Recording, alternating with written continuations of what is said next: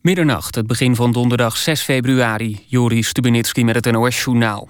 Topoverleg in het kantoor van premier Rutte vanavond. Hij sprak in het torentje met minister Hennis van Defensie... en Plasterk van Binnenlandse Zaken... over Plasterks uitspraken over de inlichtingendiensten. Dat bevestigen bronnen in Den Haag. Eerder vandaag werd bekend dat Nederlandse inlichtingendiensten... eind 2012 en begin 2013 ongeveer 1,8 miljoen gegevens... van telefoongesprekken verzamelden... Vorig jaar zei Plasterk nog dat de Amerikanen de gegevens hadden onderschept. Bij een explosie in een kelderbox in Den Haag is een dode gevallen. Een gewonde is met brandwonden naar het ziekenhuis gebracht. Na de explosie zijn acht woningen ontruimd. Dat is volgens de brandweer nodig om onderzoek te doen. Het is nog onduidelijk wanneer de bewoners terug kunnen. Ook de oorzaak van de explosie is nog niet bekend. In Venray is per direct een kindercentrum gesloten. Volgens de gemeente is het klimaat in de Nisselhof niet langer veilig genoeg voor de kinderen. Ouders waren naar de politie gestapt met vermoedens van mishandeling door de eigenares. Sinds vorige week zijn er meer meldingen van ouders binnengekomen. Voor morgen en overmorgen is noodopvang geregeld voor de kinderen. De Olympische vlam is aangekomen in Sochi. Vrijdag, bij de officiële opening van de winterspelen... wordt het Olympische vuur ermee ontstoken. De vlam heeft een reis van 65.000 kilometer achter de rug. Dat is de langste Olympische fakkeltocht in de geschiedenis. Er werd zelfs een ruimtewandeling met de Olympische toorts gemaakt. Door een overwinning op Heerenveen is FC Twente nu tweede in de eredivisie. Twente won met 2-0. PSV won thuis met 2-1 van Cambuur. NEC tegen NAC werd 1-1. En Go Ahead Eagles en RKC speelden ook gelijk. Het werd daar 2-2. Het weer. Vanuit het zuidwesten gaat het regenen. Het waait ook flink. Later vannacht wordt het weer droog. Overdag eerst zon. In de loop van de dag opnieuw regen. Het wordt een graad of 8. Dit was het NOS Journaal. Radio 1. VPRO. Nooit meer slapen.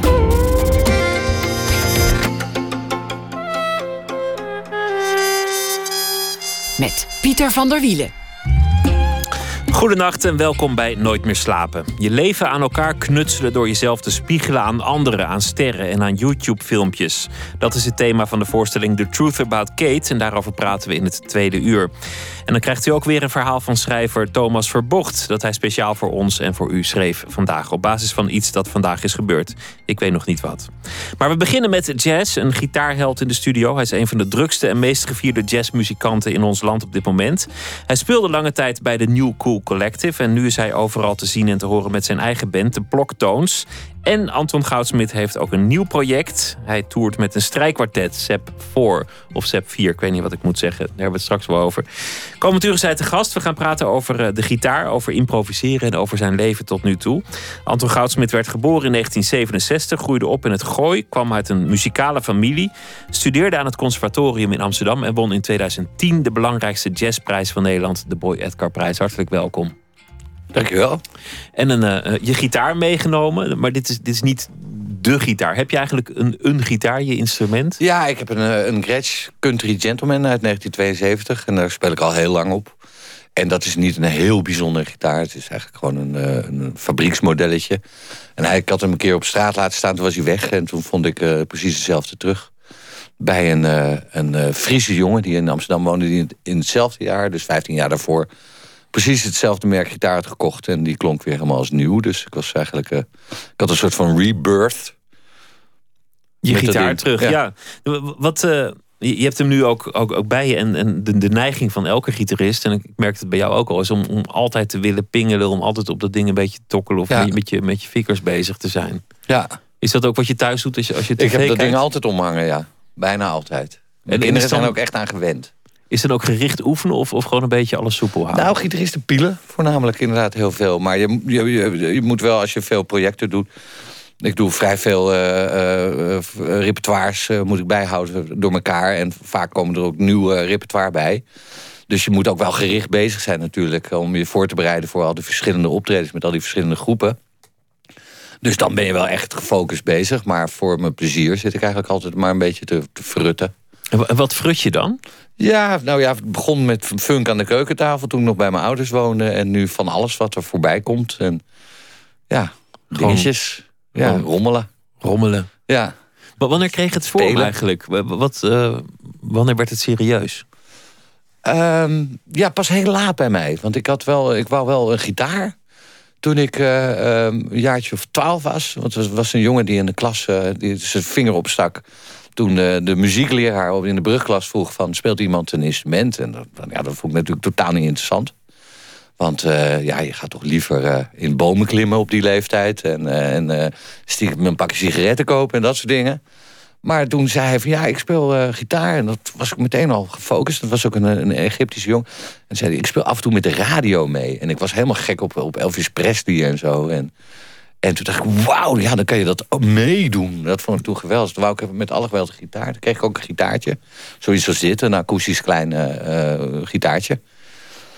En dan kwam op een gegeven moment een leraar bij.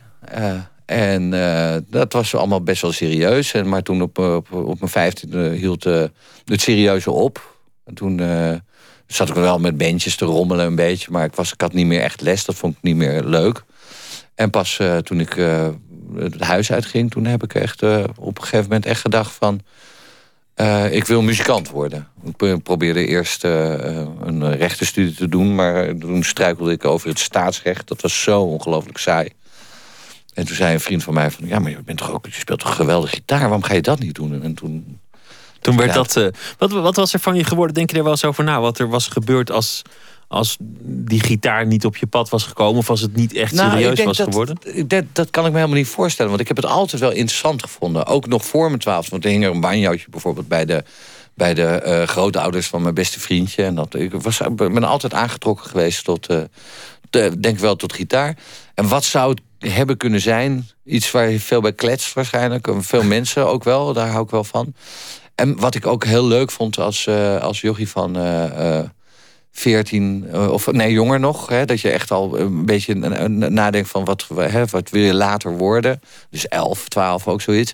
Uh, schilder leek me leuk. En dan, want dan zag ik een, eh, een, een film over een, een, een, kunstopleiding. En dan werden er sinaasappels geschilderd. En dan echt met die lichtvlekjes op, al die bubbeltjes van die sinaasappel. dat vond ik dan zo, hè, de, de gepriegel, daar ben ik altijd ook wel gecharmeerd van geweest. Van vakmanschapachtige dingen en zo. Ik heb je heel vaak zien, zien optreden, eigenlijk al, al vanaf eh, begin jaren negentig. En het is, het is los van de muziek, waar het natuurlijk om draait, ook altijd een, een happening om je te zien staan. Om, omdat je, je gaat altijd helemaal op in, in je muziek. Ja. Wat, wat gebeurt er als jij op, op het podium staat?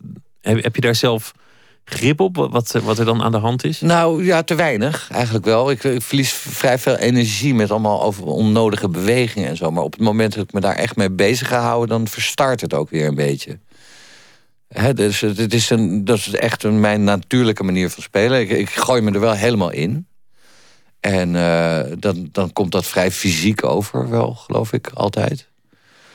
Uh, en ja, dat eigenlijk helemaal aan het begin werd er zelfs, zelfs nog af en toe een, beetje wel vriendelijk, maar een beetje gegrinnikt als jij stond spelen. En ja, dan, ja, en dan dat, je hoofd ging opzij. En, ja. ja, ja, nee, dat, dat is nog steeds zo. Oh, nog steeds? ja. ja. Maar het is, ook, het is ook een beetje een handelsmerk geworden. Het is, het is ook de charme ervan. Nou, nee, maar het is, mensen zien wel dat het wel, wel normaal is. Dat ik me niet aanzet, dat ik niet doe alsof. He, dat, ik, ik zit er wel echt, echt in, me, in het spel dan. En ik, maar ja, bijvoorbeeld zoals nu met dat toertje met, uh, met uh, Zap bijvoorbeeld.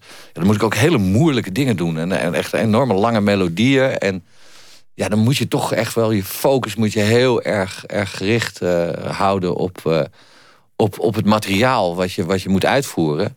En dat lukt vreemd genoeg altijd toch wel een beetje. Daarom blijf ik ook altijd wel aan het werk. Omdat ik ook al heel braaf jongen ben en altijd heel erg goed mijn best doe en zo. Maar het lukt ook altijd, los van dat je altijd goed voorbereidt... het lukt ook altijd om op het podium helemaal erin op te gaan. Ja, nou, daar ben ik heel blij om. Dat, is een, een uh, dat, is dan van, dat gaat dan vanzelf. Ik heb, je kan zeggen dat ik een gen te veel heb of zo. een chromosoontje te veel. En aan de andere kant... Uh, ja, dat is mijn manier van spelen. Dat ik... Uh, ja, vrij fysiek speel. En muzikanten die met je hebben gespeeld en mensen die jou kennen zeggen allemaal: hij, hij geeft zich altijd helemaal en hij gaat altijd helemaal op in het spel. En je krijgt van Anton nooit half werk. Ja, ik hou ontzettend van uh, met, met de jongens uh, en meisjes en, en uh, samen een, iets, iets maken. Dat vind ik het leukste wat er is. ook het, het werken naar een, een, serie voorstellingen toe, dat, dat, dat, dat is ontzettend leuk om te doen. En uh, zeker in de, met de mensen waarmee ik uh, werk uh, en wil werken, kan dat ook. Er is ook ontzettend veel ruimte voor individuele creativiteit bij iedereen. En dat wordt ook echt van je verlangd ook in de, in de groepen waar ik in zit. En dat is natuurlijk een enorm voorrecht om dat te mogen doen. Iemand vertelde dat jij een agenda hebt met verschillende kleuren. Dat, dat, dat, jou, dat jij zeg maar elke klus een andere kleur geeft. Ja, dat doe ik niet meer. Oh, daar ben je mee opgehouden. ja. Dat is een oud verhaal inmiddels. Ja, ja, dat is alweer voorbij. Want het verhaal was dat, dat je, dat je een, een, kleur had voor dingen waar je heel erg op verheugde. Een kleur van dingen waar je nog even aan ja, moest dat werken. Klopt, ja, ja. Nee, ik had gewoon elk bandje een, een andere kleur gegeven. En toen had ik inderdaad een keer een interview met een... Uh, iemand die uh, UCAM uh, een cursus aan het volgen was. Annemiek Tetero heette zij. En uh, toen uh, had ik dat inderdaad gezegd. Van, ja, Rosse, daar heb ik niet zo'n zin in. Maar dat ging dan natuurlijk oh, dat was, ja, ja. over dat groepje. Dus dat, dus een eigen leven elke, groep had ik, elk groepje had ik een ander kleurtje gegeven. Je zei net Elvis. Um, je begon dus niet met, met jazzmuziek. Wanneer kwam de jazz op het pad? Uh, die kwam via... ja, ik, ik hield altijd van, van muziek waar wel iets funkies in zat. Dus ik, ik vond bijvoorbeeld Everest White Band vond ik heel erg leuk. En, en, en I got cocaine running around my brain. Dat soort nummertjes, weet je wel. Dat moest altijd wel... En Elvis natuurlijk ook, hè. Er toch veel heupen in. Dus ik uh, op een gegeven moment... Uh, dat, dat, uh, je, je, filtert heel makkelijk eruit. Op, zeker op die leeftijd wat je allemaal leuk vindt. En nou, ik hield dus ook van, van, van meer... ja, toch dingen waar wel dan een funky gitaartje in zat en zo. En toen ging ik vanzelf... raakte ik dan geïnteresseerd in voor het Weather Report. En, uh, en uh, ja, eigenlijk een vrij standaard verhaal. Niet, niet, zeker in die tijd eigenlijk. Hè? De, de, de middelbare scholier. En maar ik nog niet... geïnteresseerd in instrumenta instrumentale muziek. En dan bijvoorbeeld via Weather Report en de moderne Miles. Bijvoorbeeld Bitches Brew of de later We Want Miles. Kom, kom je vanzelf op Miles. En dan, en dan ga je... Ja, dan ga je, raak je toch geïnteresseerd in waar zo iemand vandaan komt. En dan ga je toch maar eens naar de bibliotheek en ga je toch, toch maar bandjes opnemen. Ik had echt op een gegeven moment echt wanden vol met bandjes van allemaal heel braaf opgenomen. Van Miles Davis. Ja, en, Miles Davis en zo. Maar dat, dat, is, dat is echt, Miles Davis is toch, nou, hij heeft natuurlijk een aantal keer met gitaristen gespeeld in zijn latere jaren. Nou, maar het is ja. vooral toetermuziek in, in de vroege Ja, ik ben ook echt een toetergitarist. Ik, Dus jij- ook, jij- eh, jij ik heb alleen nog maar met... Ik werk heel graag met toeters. Ja, nu dus met violen. Ja. En dat, dat is helemaal eh, waanzinnig, want dit, dat, die zijn echt één. Maar ik, werk, eh, ja, ik heb heel veel ervaring met de toeters te spelen. Ik noem het ook altijd toeters, inderdaad. Maar, maar zoek je ook op je gitaar partijen uit voor, een- voor een trompet of een, of een saxofoon eerder dan, dan, dan gitaar? Nou, dat heb ik wel gedaan in de tijd het conservatorium. Dan moest je dingetjes uitzoeken en zo. En dan ja, vond ik gitaarsolos vaak een beetje saai. En ik, ook de frasering van, van, van bijvoorbeeld een, een Parker solo of zo. Dat vond ik eigenlijk veel spannender. Ook omdat er dan eh, adempauzes in de frasering zitten. Dit is... Omdat, je, omdat Charlie Parker die moet dan Je natuurlijk moet lucht toch halen. ademhalen, dus het komt er echt veel. Ook, ja, het is toch, je, je je bent metaal aan het kussen en, en en je adem door een buis aan het blazen. Het is toch een vrij, vrij natuurlijk. eh, het komt er eh, bijna als, als zang komt het er eigenlijk bijna uit. Heb, heb je er zo één nu paraat? Zo- Zo'n Charlie Parker Ja. melodietje?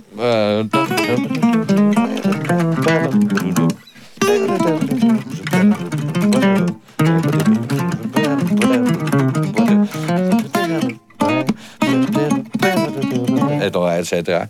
Ja. Dus eh, Char- Donnelly was dat. Nu je dat eh, zei, ja, dat heb ik lang niet gespeeld trouwens. Ik, ik moet altijd denken bij, bij Charlie Parker en Miles Davis aan, aan die, eh, die begindagen. Want, want die jongens die, die stonden dan in cafés waar alle, alle grootheden samenkwamen. En het was een vrij harde sfeer. Want, want in die autobiografie van Miles Davis wordt verteld dat hij dan, als iemand niet goed genoeg was, dan werd, werd hij buiten nog op zijn bek getimmerd ook. Door de andere ja, dat zijn allemaal stoere verhalen, joh. Ik, ik heb zelfs een bandje waarin ik heb gezeten... heb ik verhalen teruggehoord van hoe stoer het allemaal was. En dan denk je ook van, ja, nou ja, laten we het maar zo houden. Zo Het stoer hoort was een het beetje bij de, bij, bij, de, bij de verhalen omheen. Maar je had vroeger natuurlijk die orkesten die... Ja, dat was wel gewoon een, een, een, een- je brood ook. Hè, bijvoorbeeld zo'n zo, zo, zo'n zo'n band van Duke Ellington of Count Basie of zo. Die, die reisden dan echt, maar alleen maar onderweg.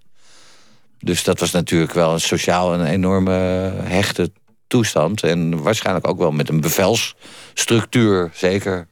Maar wat, wat er ook uitspreekt is dat het natuurlijk eng is als, als jonge muzikant, als beginnende muzikant. En, in jouw geval, als je het nog niet heel, heel zeker bent of je, of je er echt professioneel mee verder gaat. Ja.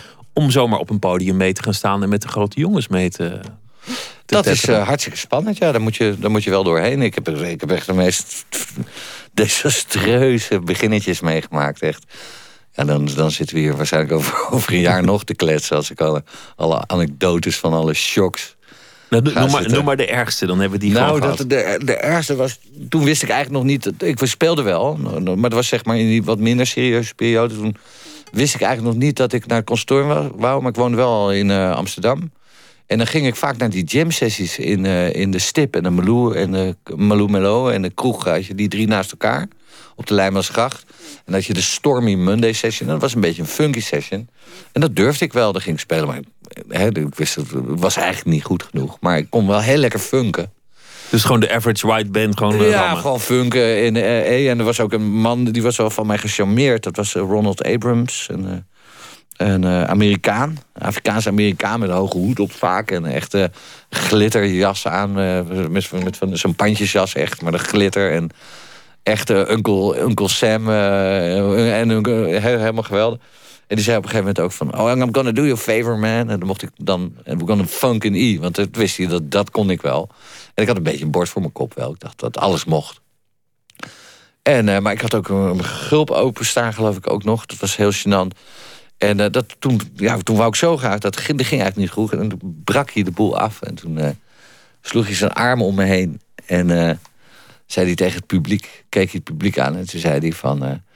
I think this guy should go home and practice. En hij oh, en stond je en dan sta je, ja, dan ga je door de grond natuurlijk. En, dan, en, mijn vriendjes waren, want mijn vriendjes gingen altijd mee, maar die waren altijd, als het dan klaar was met spelen, waren ze altijd weg. en, uh, maar nu waren ze ook weg, nergens te vinden. Afgezeken door, door, door een grootheid en dan ook nog de gulp open. Ja, dat is wel, dat is wel echt, een, echt een dieptepunt. Ja, maar dat was een echt dieptepunt. Ja. Maar er kwamen daarna gelukkig heel veel uh, hoogtepunten. We gaan uh, luisteren naar een, een, stuk van, van jouw uh, muziek. En dat, dat is eigenlijk een, een deel van wat je nu hebt gedaan met het, met het strijkkwartet, met, met SAP 4. Oh, echt waar?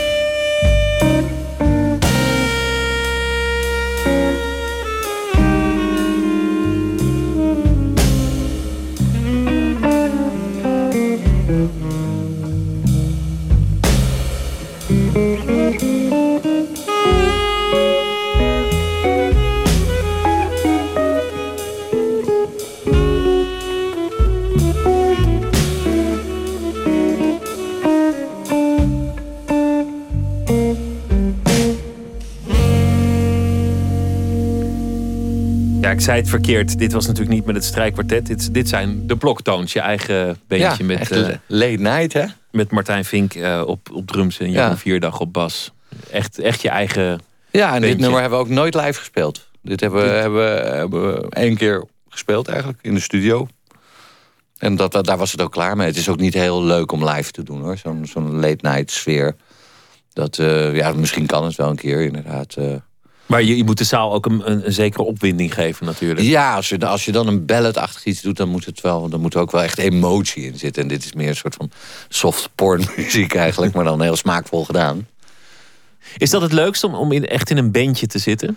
Ja, absoluut. Ja, het is... Uh, uh, ja, daar doe je het voor. Voor de, de, de optredens met een groep vrienden. Of ja, het zijn ook geen collega's. Als je muzikant bent en je speelt samen, dan je hebt het nooit over collega's. Het zijn altijd je maatjes of, of uh, hè, bandleden. Maar, maar in, in de jazz is, is het ook heel veel um, toch vrij individueel. Hè? De, de, de muziek van de solisten en de sessies en uh, de mensen die binnenkomen en elkaar eigenlijk nog niet zo goed kennen en zeggen van hé, hey, wat gaan we eigenlijk doen? Ja. Dat, dat is soms eigenlijk wel jammer, omdat dat het een bandje meer kans heeft om te groeien. Ja, maar dat is een sessie. Dat is, daar, daar ga je heen om, om je chops een beetje op peil te houden. In een bepaald, uh, bepaald idioom ook natuurlijk. Waarin uh, wat, wat, bepaald wordt door de jas die die sessie aan heeft. Dat is meer een training, zeg maar. En een bandje is, is meer eigenlijk... Uh... ja, een beetje. ja, dat groeit. Dat kan, een, uh, dat, uh, dat kan, uh, ja, dat groeit. Dat kan zich blijven ontwikkelen. Het kan ook stoppen, de ontwikkeling. Dan merk je dat ook allemaal. En dan, dan gaat het vanzelf gaat het dan uit ook. Dat, dat kan. Maar het, je werkt natuurlijk naar optredens toe. En dat is, dat is natuurlijk een hele leuke bezigheid. Om in zo'n hok te gaan zitten en dingen uit te proberen. En, dat is best wel romantisch of spannend om te doen. En heel erg leuk om te doen ook. We hadden het net al over je, je dieptepunt. Die, die hebben we vast gehad. Nou ja, dat was ja, een kleintje hoor. Een kleintje. Oh, laten we Zou je de rest dan besparen? Nee, nee ja, maar what doesn't kill, kill you makes you only makes you stronger. Hè? Dus uh, ja. dat, dat, dat vind ik wel een mooie uitspraak. Dat is zeer toepasselijk. Maar wanneer ging het, uh, wanneer begon het? Wanneer werd het uh, succesvol? Je, je, je jazzcarrière? Nou ja, voor zover dat mogelijk is. Een succesvolle jazzcarrière ja, in nou Nederland? Ja, ik, ik, heb, ik heb inderdaad absoluut niet te klagen. Maar het, het gekke is, ik zie mezelf nog steeds als een student. En, en de, de, de, de, relatie met, met, met mijn instrument is, is nog echt een uh, waar nog heel veel te winst te halen valt. Dat is, dat, daar, daar, ja, dat, daar ben ik nog lang niet mee klaar. Dat is nog er zijn nog zoveel dingen die ik interessant vind. En, uh, en, uh, en ook ja, fysiek. Ik ben nog niet echt oud. Dus hè, ik heb nog geen last van artrose of zo. Dus het kan allemaal nog ontwikkelen. Het schijnt wel dat je hersenen iets trager worden. Maar als je ze veel traint, juist door muziek... dan blijven ze wel heel scherp. Dus wat dat betreft...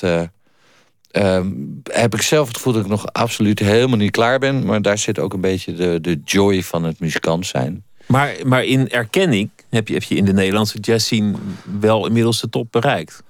Uh, ja, nou ja, dankjewel. Ja, nou ja, de, de, de Boy Edgar prijs ja, gewonnen, dat, volle dat zalen. Geeft, dat geeft natuurlijk een glans, inderdaad. En, maar ik ben, ben uh, dus elke dag begint het weer opnieuw. Dat, het is een, dat is een uitspraak van, we moeten wel over SAP hebben trouwens. Ja, we gaan het over SAP ja, hebben, ja zeker. Maar, maar um, ja, elke dag begint het weer allemaal opnieuw. Dat... dat dat zei John Engels altijd. En dan zei hij er ook altijd bij. Het begint met de blues en het eindigt met de bluesvogel. Maar dan met een, niet een zachte G, maar dan een Haagse accent. En uh, hè, dus, dus uh, ja, het is elke dag en elk optreden is weer volledig vanaf nul. Je, je kan helemaal niet terugvallen op... nou, ik kan nu eventjes even relaxed. Want goh, ik heb zoveel erkenning. Ga ik nu even lekker een jaartje... een beetje Polonaise neurieën in de trein of zo. Dat gaat niet. Je, je, je moet je blijven ontwikkelen. En, we hadden het er aan het begin over wat er, wat er was geworden als, als je niet die gitaar had gehad. Nu, nu maak je, maak je, zeg je eigenlijk ook dat het, dat het een soort richting geeft. Iets, iets om te ja, voor mij is het, uh, het, het is, in mijn geval is het echt mijn, mijn redding geweest. Ook dat ik iets vond waarmee ik uh, um, in het reinen kwam, zeg maar, met mezelf. En uh, je, maakt toch, je moet toch een deal maken met de maatschappij. En, uh, en ik vond het allemaal zo ingewikkeld. Uh, en, moeilijk. En toen was voor mij het idee dat je dus ook een deal met, met, met, met dus, je omgeving kan maken... waarin je alleen maar afgerekend wordt op dat wat je doet... met zoiets eenvoudigs als een stuk hout met een paar ijzerdraadjes erop. Dat vond ik zo mooi, bijna boeddhistisch-achtig. Zeker in die tijd zo vond ik zo'n mooi idee dat dat kan nog. En zeker in deze tijd waarin alles uh, ontzettend snel gaat en zo. Dat, dat, er, dat het nog kan dat je zo'n simpel leven leidt als dat van, van, van een muzikant. Die uh, eigenlijk alleen maar, alleen maar bezig is met zijn instrument. Dat was voor mij een, uh, ja, gaf mij enorm veel rust en, en een doel.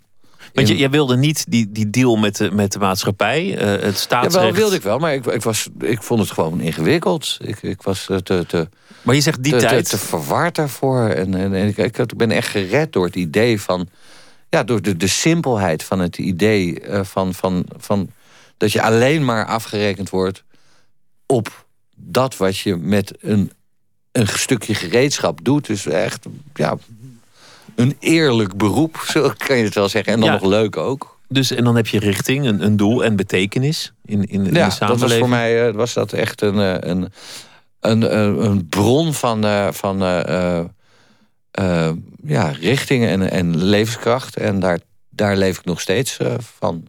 Maar als je die, als je die richting en, en betekenis niet had gevonden... en je, je zegt ook die tijd, begin jaren tachtig... is natuurlijk, is natuurlijk eigenlijk een heel harde tijd geweest. Nou, Amsterdam begin, begin jaren jaren, Ja, het was, was, was 1986, 87. Oh, dat is al een beetje eind jaren 80. Ja, ja, ik zie er veel ouder uit dan dat ik ben. Maar ik ben echt nog ja. ontzettend broekie. Ik ben waarschijnlijk jonger dan jij.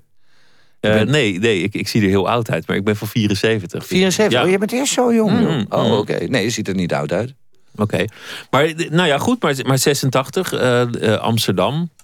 En, en dan geen richting hebben in je leven. Dat, Nou dat ja, is, ja. wat iedereen heeft. eh, dan, dan, dan- wat ga je doen? Zeker in die tijd. Want ja, toen zat er nog een vent met hele dikke wenkbrauwen... achter een grote rode knop. En dan kon hij erop drukken en dan waren we allemaal dood.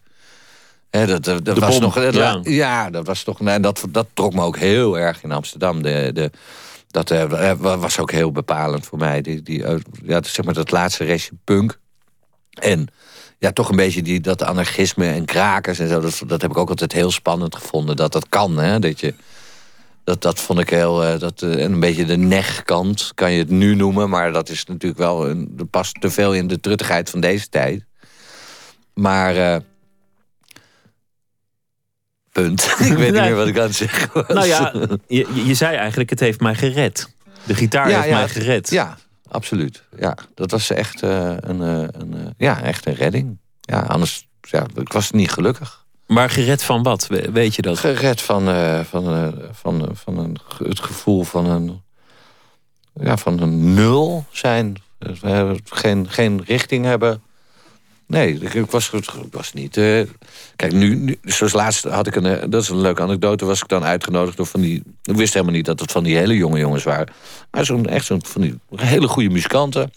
En die hebben dan een band. En dan, gewoonlijk doen ze dan meer dansbaar repertoire. Funky dingen. En dat klinkt allemaal verschrikkelijk goed. En nu wouden ze dan, dan één keer per maand wat meer in de jazz verdiepen. En zo. En, eh, en dan, eh, nou, word je opgehaald van het station. En je gaat mee uit eten. En alles wordt geregeld. En, en ze hebben eigen geluidstechnicus. En allemaal verschrikkelijk goed voorbereid.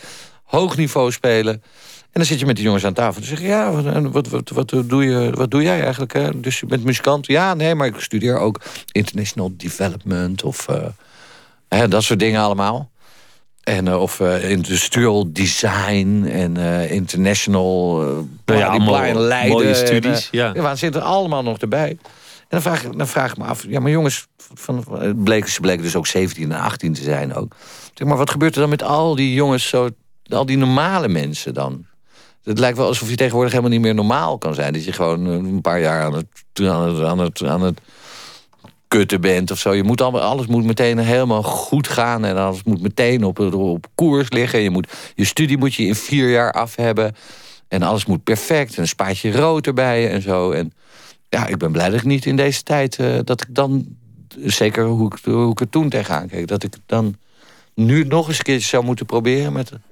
Maar ja, er zijn toen, toen ook een hoop mensen gewoon echt aan kapot gegaan. In, in de jaren tachtig. Ja, ik vraag, vraag me af waarom nu niet. Met, met, met, met die, die lat ligt nu nog veel hoger op alle fronten. Je moet, je moet meteen klaar zijn met je studie. En succes is normaal.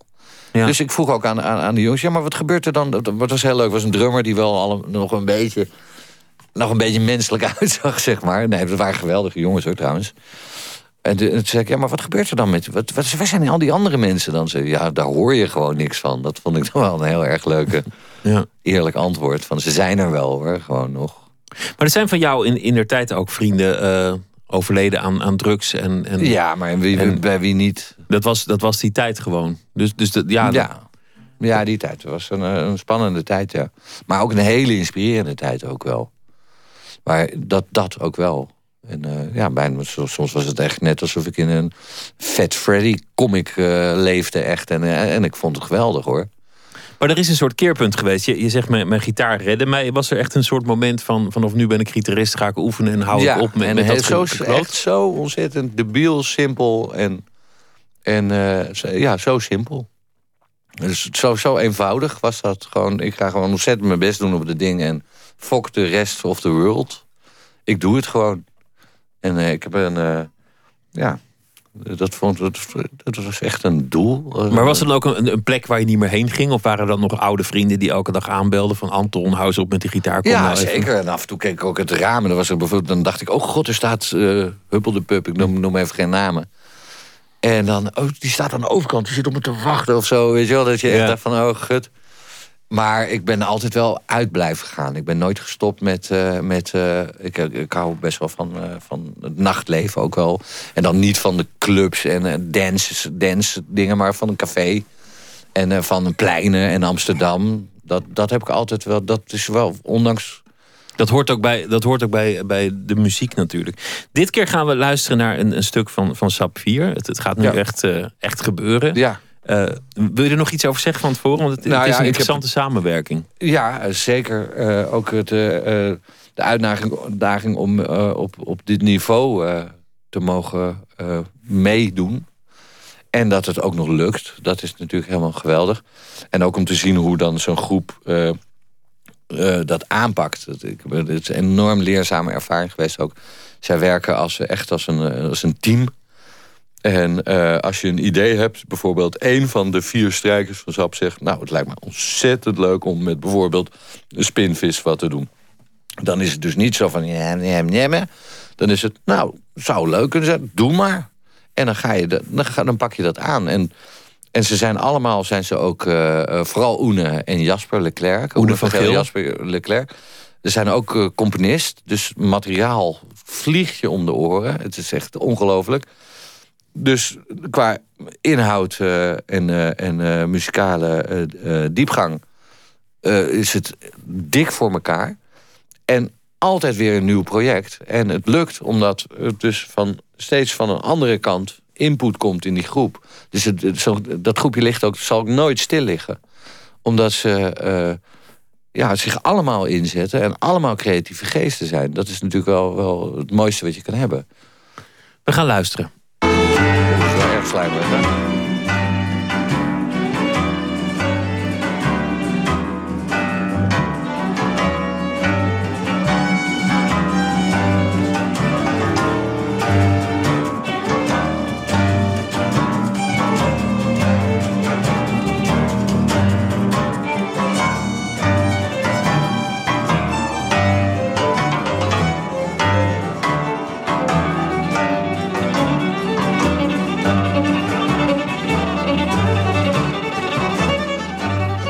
Het is nog niet helemaal representatief, want dit, dit is... De, de, allereerste repetitie. Een opname. Dus nog een even... uitprobeerrepetitie was dat nog om te ruiken aan het, aan het materiaal. En dan ook nog een opname met een, een, een videocameraatje voor YouTube. Alleen maar... Maar goed, het is, het is een beetje om de sfeer. Ik heb het, ik heb het in Het is trouwens een geweldig stuk wel. Dat is een stuk van, uh, van Oene, dat heet TC2.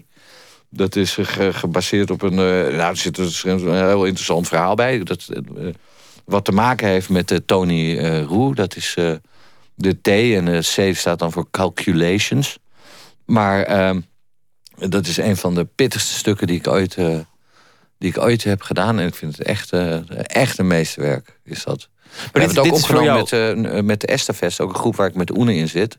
Dus een groep met Jeroen van Vlieten, met de Erker, saxofonist. Jeroen Vliet is een toetsenist. En Oene en ik. En daar hebben we nu net een cd mee af. Die komt binnenkort uit. En die gaat heten Papillon. Mhm. Vlinder? Er komt ook een vlinder op de hoes, ben ik vandaag achtergekomen. Maar wel met zijn speld er doorheen. En uh, daar hebben we dat stuk ook opgenomen. Ik ben zo trots op. Het staat, het, het, het, staat wel op mijn Soundcloud. En dat is een hele hoge kwaliteit wel. Dus uh, misschien op hetzelfde stuk. En dan met... Uh, dus eventueel... Ik kijk heel lief naar de regie of die dat zo snel kunnen vinden op jou, jouw Soundcloud, dat, dat stuk. Voor jou, voor jou is dit heel erg iets nieuws, hè? Dit, dit is heel erg een. Nou, het is een enorme uitdaging. Ook om uh, bijvoorbeeld Jan Rokita. Ook als je dan ziet in het muziekgebouw aan het ei... of uh, we hebben in het theater Lieve Vrouw in Amersfoort gespeeld... er komen echt mensen op af en die, die, die vreten die man op. Het is een ongelooflijk virtuoos. En hij is ook in... in uh, ja, eigenlijk in de hele moderne, uh, contemporaine klassieke muziek... is hij echt een begrip. Hij leest ook... Ik heb hem partijen zien spelen gewoon in één keer ook. En dan de meest ongelofelijke rare maatsoorten en toestanden. Het is een, een, eh, een, hele knappe, hele knappe muzikant is dat. En ja, om, dat is natuurlijk omdat, hè, zeker als je mijn achtergrond weet... van noest gepriegel vanaf mijn 21ste... Dan is dat natuurlijk enorm voor mij persoonlijk... Eh, een enorme bron van vreugde. Dat ja. klinkt heel, maar het is wel zo dat het goed is afgelopen. En ik had zelfs het gevoel met dat concert wat jij hebt gezien... in, eh, in het muziekgebouw aan het ei... dat ik zelfs af en toe eh, de, zo goed boven het materiaal stond...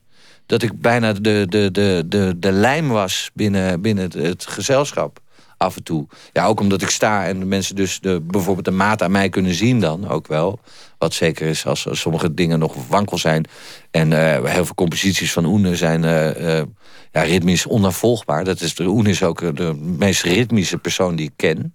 Maar op de een of andere manier lijkt het, als je met zo'n strijkkwartet speelt, als, als vergeleken met, met een gewoon meer traditioneel jazzbandje, omdat je geen echte ritmesectie hebt in de, in de klassieke zin, omdat iedereen zo nauw op elkaar moet zitten, omdat de composities ingewikkeld zijn. Ja. Het, het lijkt wel alsof, alsof de grond onder jullie voeten oneindig diep is. Dat als iemand maar het zou... die jongens spelen al heel lang samen. Dus ze, ze, ze kennen ook ook, uh, daar begin ik ook steeds meer achter te komen. Ook omdat ik, ik wil wel echt blijven doen wat ik leuk vind. Dus je hoeft niet altijd uh, te excelleren. Dus je hoeft ook niet altijd te zoeken in je mede-muzikanten... Wat, ze, wat ze wel kunnen. Je moet af en toe ook achterkomen wat ze niet kunnen. En, en, en daarbij ook, daar ook bij neerleggen.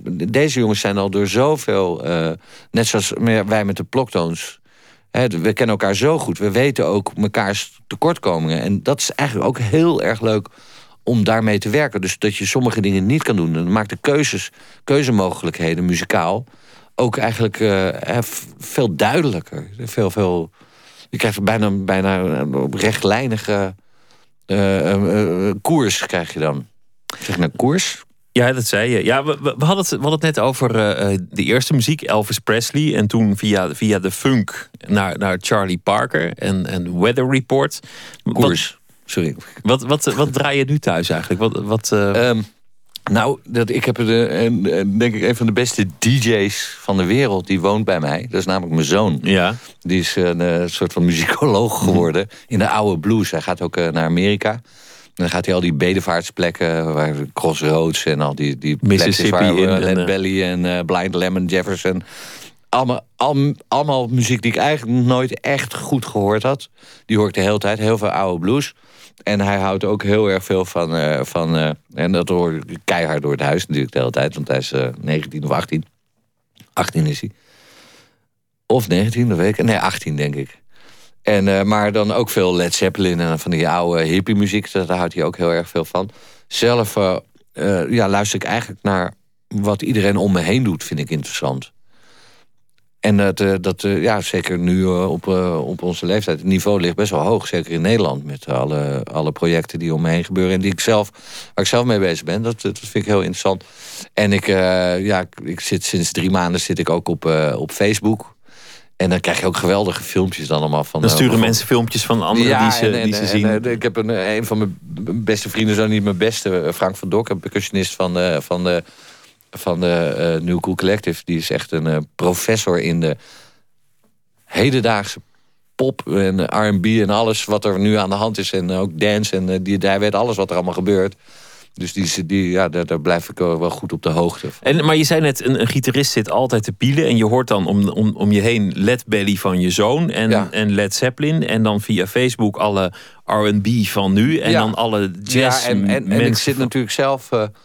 En dat is niet, uh, geen, uh, de overdrijf niet, maar ik zit zelf eigenlijk het meest, grootste deel van de, dat ik achter mijn bureautje zit, zit ik zelf te spelen natuurlijk. En daar, daar kan je eigenlijk niet zoveel... Laat eens horen waar dat toe leidt. Speel eens wat. Ja, nou ja. Uh, bijvoorbeeld...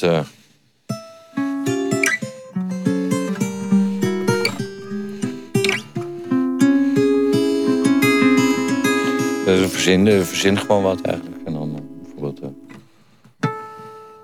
Mm-hmm.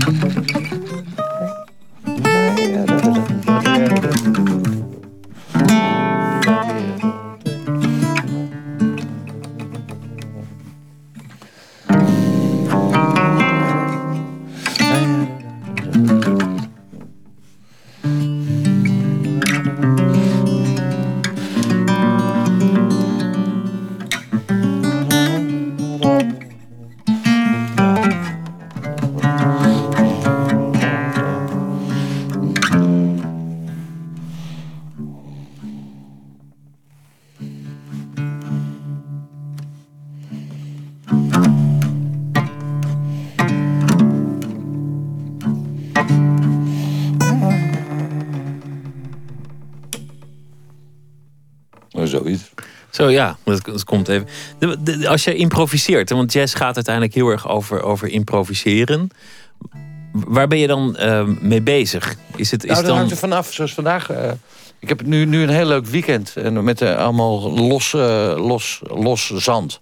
Allemaal duo's en trio's waar ik eigenlijk bijna nooit mee speel. Zoals overmorgen ben ik de gast bij Peter Beets met Ruud Jacobs. En dan overleg je ook zelfs uh, over het repertoire. En dan, dat vond ik zo charmant. Toen zei hij ook van... Uh, nou, uh, schiet jij even wat hagel... Stuur, schiet even wat hagel af. En daar bedoelt hij mee van... nou, geef maar een lijst met heel veel stukken... wat je leuk lijkt en wat je denkt wat goed zou kunnen werken. Ook met Ruud Jacobs. Wat natuurlijk een van, van, van echt een heel geweldige muzikant is... om te mee te mogen spelen. Heb ik nog nooit mee gespeeld. Een paar keer ontmoet wel in, in Spanje. Want daar in, een, in een, een hotel of een ja, een plek, een kelder van een hotel waar ik af en toe speelde. Waar hij dan altijd kwam, omdat hij daar vlakbij woont. Een hotel van een, een paar Nederlanders. En een mooi kasteel met ook een, soort van teletubby lift die zo de berg in. Nou, in ieder geval heel verhaal ook. Maar um, een schot hagel was dus gewoon een enorme zooi stukjes.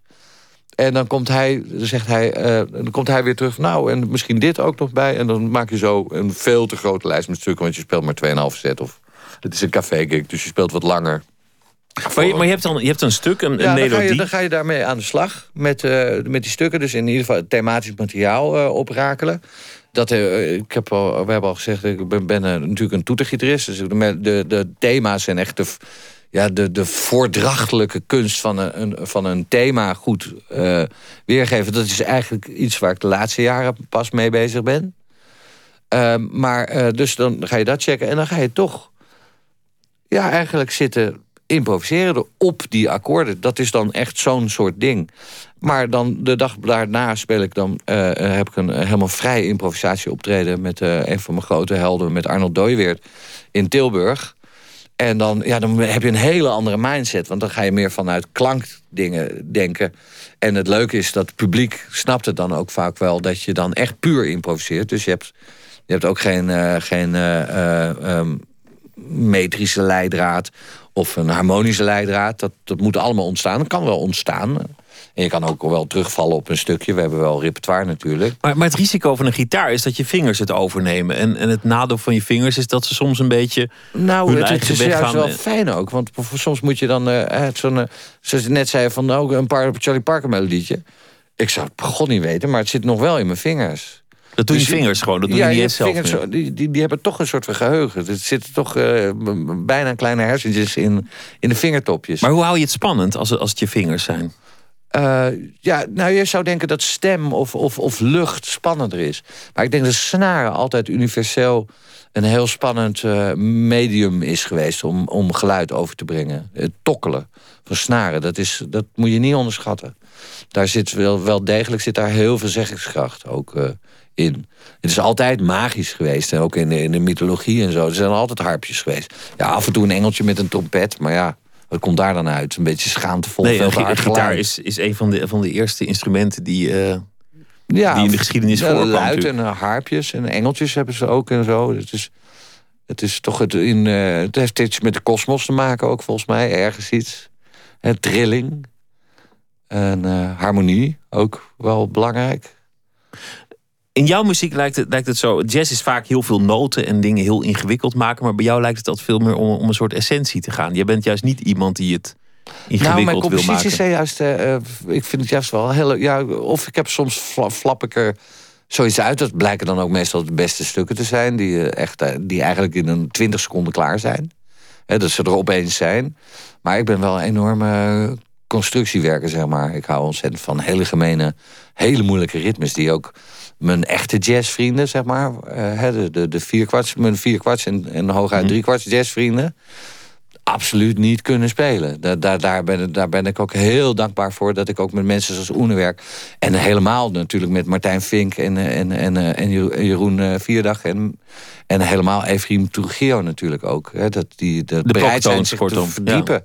In, in dan die ideeën van mij. En die zijn absoluut niet... Uh, ze klinken allemaal heel erg... Uh, ja, gewoontjes. Maar als je dan, ja, probeer maar eens mee te klappen in sommige gevallen. Maar dat, dat is als componist, maar als je als gitarist zo leert, dan, dan lijk je een beetje wars van wat veel andere jazzgitaristen doen, van het, van het heel erg compliceren. Dan, dan wil je toch een soort nou essentie ik, raken. Ik, ik, ben, zoals ik zei, ik ben, ik ben nog een beetje aan het leren. Mhm. Op een gegeven moment kan ik het ook. Dus ik ze allemaal eens even poepie laten ruiken dan. Oh nee, ik, ik dacht...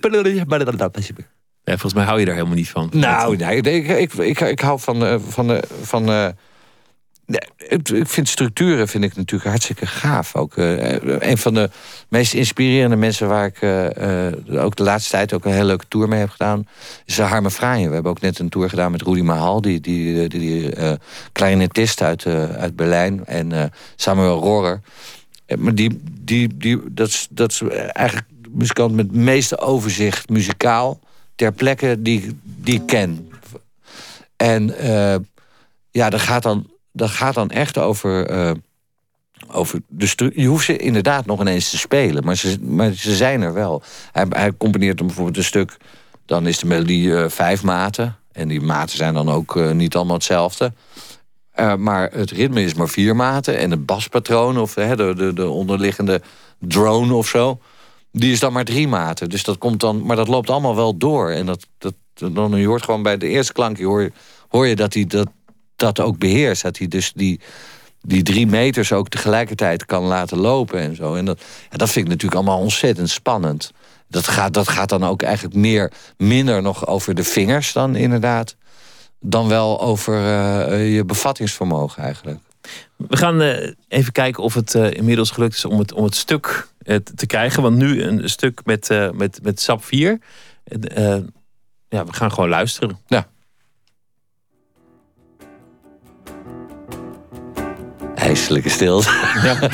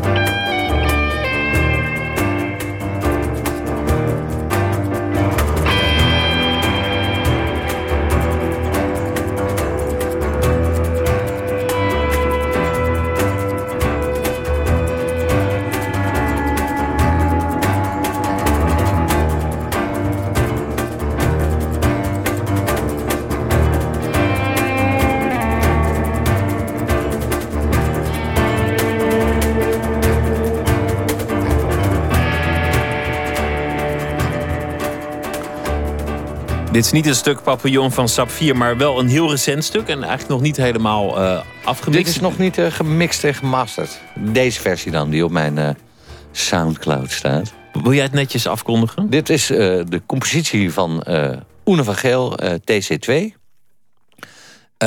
gespeeld door Estavest met Mette Erker op, hier op basklarinet. Jeroen van Vliet op vleugel. En Oene van Geel op viool en mijzelf op gitaar. Klonk heel spannend. Het was leuk je te gast te hebben. Dank je wel. En uh, heel veel succes met het project. Er, er, komt een album, er komt een tour, er komt van alles aan. En de, de bloktoons gaan weer spelen. Dus, dus je bent uh, volop aan het werken en volop te bewonderen. Ja, gelukkig. Komende maanden. Anton Goudsmit, hartelijk dank. We hadden bewonderen dat... Uh... Ja, dat is mooi hè? ja. We sluiten het, uh, dankjewel. We sluiten het eerste uur deze week uh, elke dag af met een deel van een, een, serie.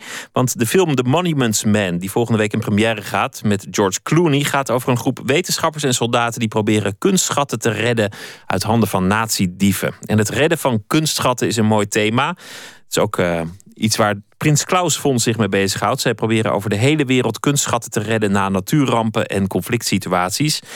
Deze week een aantal van voorbeelden daarvan. Vandaag Christa Meinersma van het Fonds over een lepenfort in Jemen.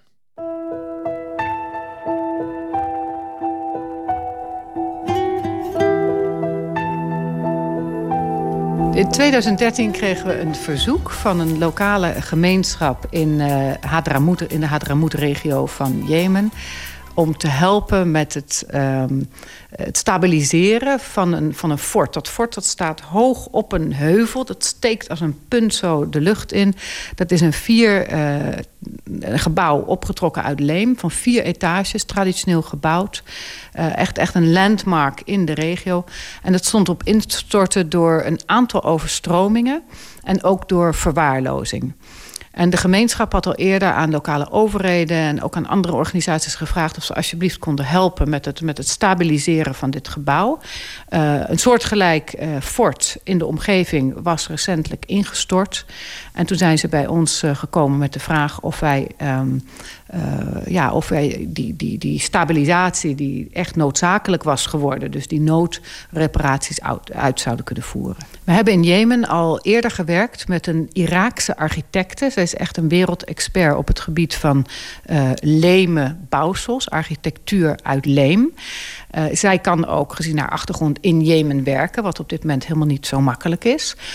En uh, zij heeft dus voor ons gekeken naar, naar dit gebouw. Zij heeft uh, met, met uh, gemeenschap gekeken wat er mogelijk is. En op een gegeven moment bij ons een plan ingediend. En wij hebben, ja, wij hebben dus ook besloten om dat te steunen. Het mooie van dit verzoek is, het gaat niet om een werelderfgoedsite... maar het gaat echt om een, een, ja, een iconisch gebouw... Uh, van grote uh, architectuurwaarde, maar ook van grote waarde voor de gemeenschap. En het is de gemeenschap zelf die dus het verzoek heeft ingediend om uh, ja, die noodreparaties uit te voeren, zodat het gebouw bewaard kan blijven. Zij hebben daarbij ook ja, de toezegging gedaan dat ze als gemeenschap, maar ook met de lokale autoriteiten, voor, de verdere, voor het verdere onderhoud van dit gebouw zorg zullen dragen.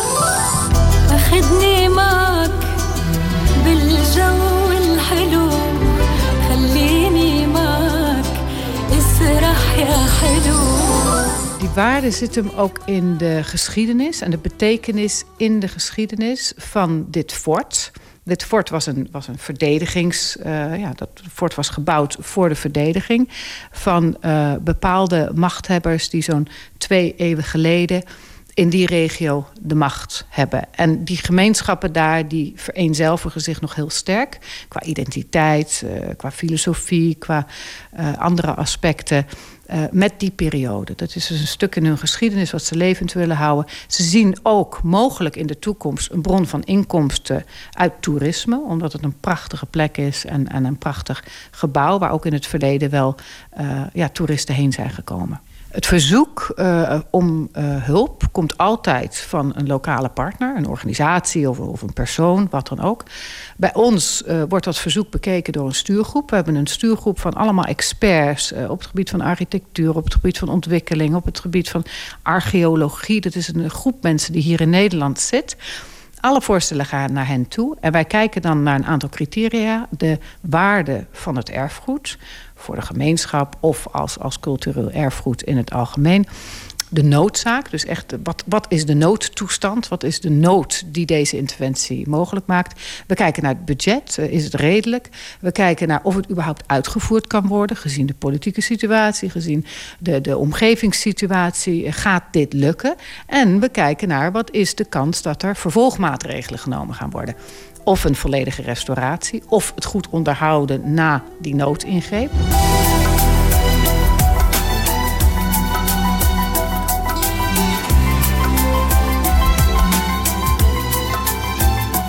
De meeste van onze projecten, en ook dit project, zijn minder dan 35.000 euro. Het is eigenlijk zelden dat we daar boven gaan. Ehm, we geloven dat door juist de snelheid van de interventie op tijd uitgevoerd, dat je met weinig geld, relatief weinig geld, heel erg veel kunt bereiken. Dus gemiddeld liggen dit soort projecten zo rond de 20, 20, 20, 25.000 euro. Dit was een project waarvoor uh, um, 32.000 euro um, uh, ter beschikking is gesteld. En daarmee is eigenlijk die hele noodreparatie uitgevoerd.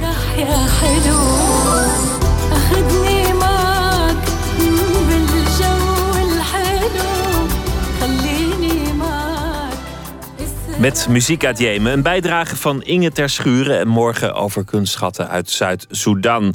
Daarmee zijn we aan het einde gekomen van het eerste uur van Nooit meer slapen. Zometeen zijn we terug met het tweede uur. Thomas Verbocht schrijft een verhaal op basis van iets dat hij vandaag in de kranten heeft opgepikt. En we gaan het ook hebben over de liefde. Een boek, een heel oud boek, is opnieuw vertaald. Andreas Capelanos door Piet Gerbrandi. En dat hoort u zo meteen. En we gaan het ook hebben over een jonge vrouw die alvast terugkijkt op haar leven. Want dat is weer een thema van de voorstelling The Truth About Kate. U kunt ons bereiken via Twitter, VPRO-NMS... of via de mail nooitmeerslapen.vpro.nl. Tot zometeen.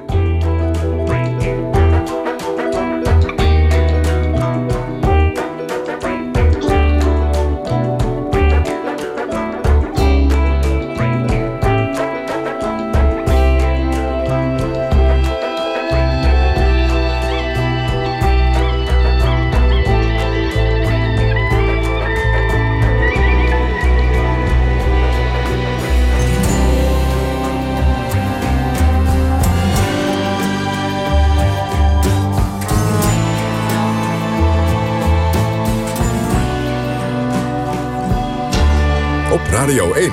Het nieuws van alle kanten.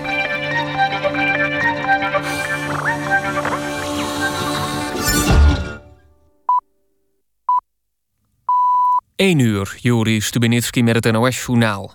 De ministers Hennis en Plasterk hebben in het torentje met premier Rutte gesproken over Plasterks uitspraken over de inlichtingendiensten. Dat bevestigen Haagse bronnen. Afgelopen dag werd bekend dat de Nederlandse diensten eind 2012, begin 2013 gegevens van zo'n 1,8 miljoen telefoongesprekken verzamelden. Plasterk zei vorig jaar juist dat de gegevens door de Amerikanen waren onderschept. De Tweede Kamer reageerde zeer kritisch. Dinsdag is er een debat over de kwestie. Egypte moet de naam van de Nederlandse journaliste Rena Netjes in ere herstellen en ze moet weer kunnen werken in het land. Daar zal minister Timmermans op aandringen tijdens een gesprek met zijn Egyptische collega die Nederland vandaag bezoekt. Dat zegt Timmermans tegen de NOS. Rena Netjes vloog deze week hals over kop naar Nederland nadat ze in Egypte was beschuldigd van hulp aan een terreurnetwerk rond tv-zender Al Jazeera. In Den Haag is bij een explosie in een kelderbox een dode gevallen. Een gewonde ligt met brandwonden in het ziekenhuis. Over de oorzaak van de explosie is nog niets bekend. De politie heeft acht woningen ontruimd om onderzoek te doen. Een kindercentrum in Venray is per direct gesloten... vanwege vermoedens van mishandeling door de eigenares.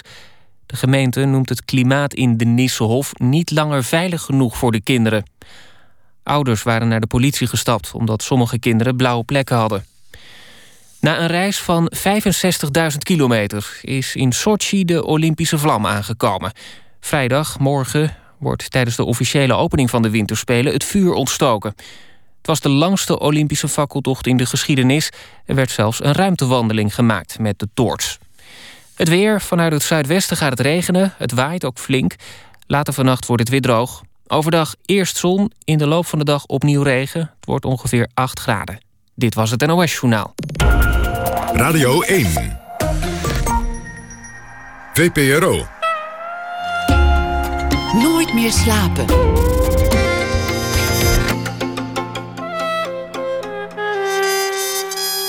Met Pieter van der Wielen. Welkom terug bij Nooit meer slapen.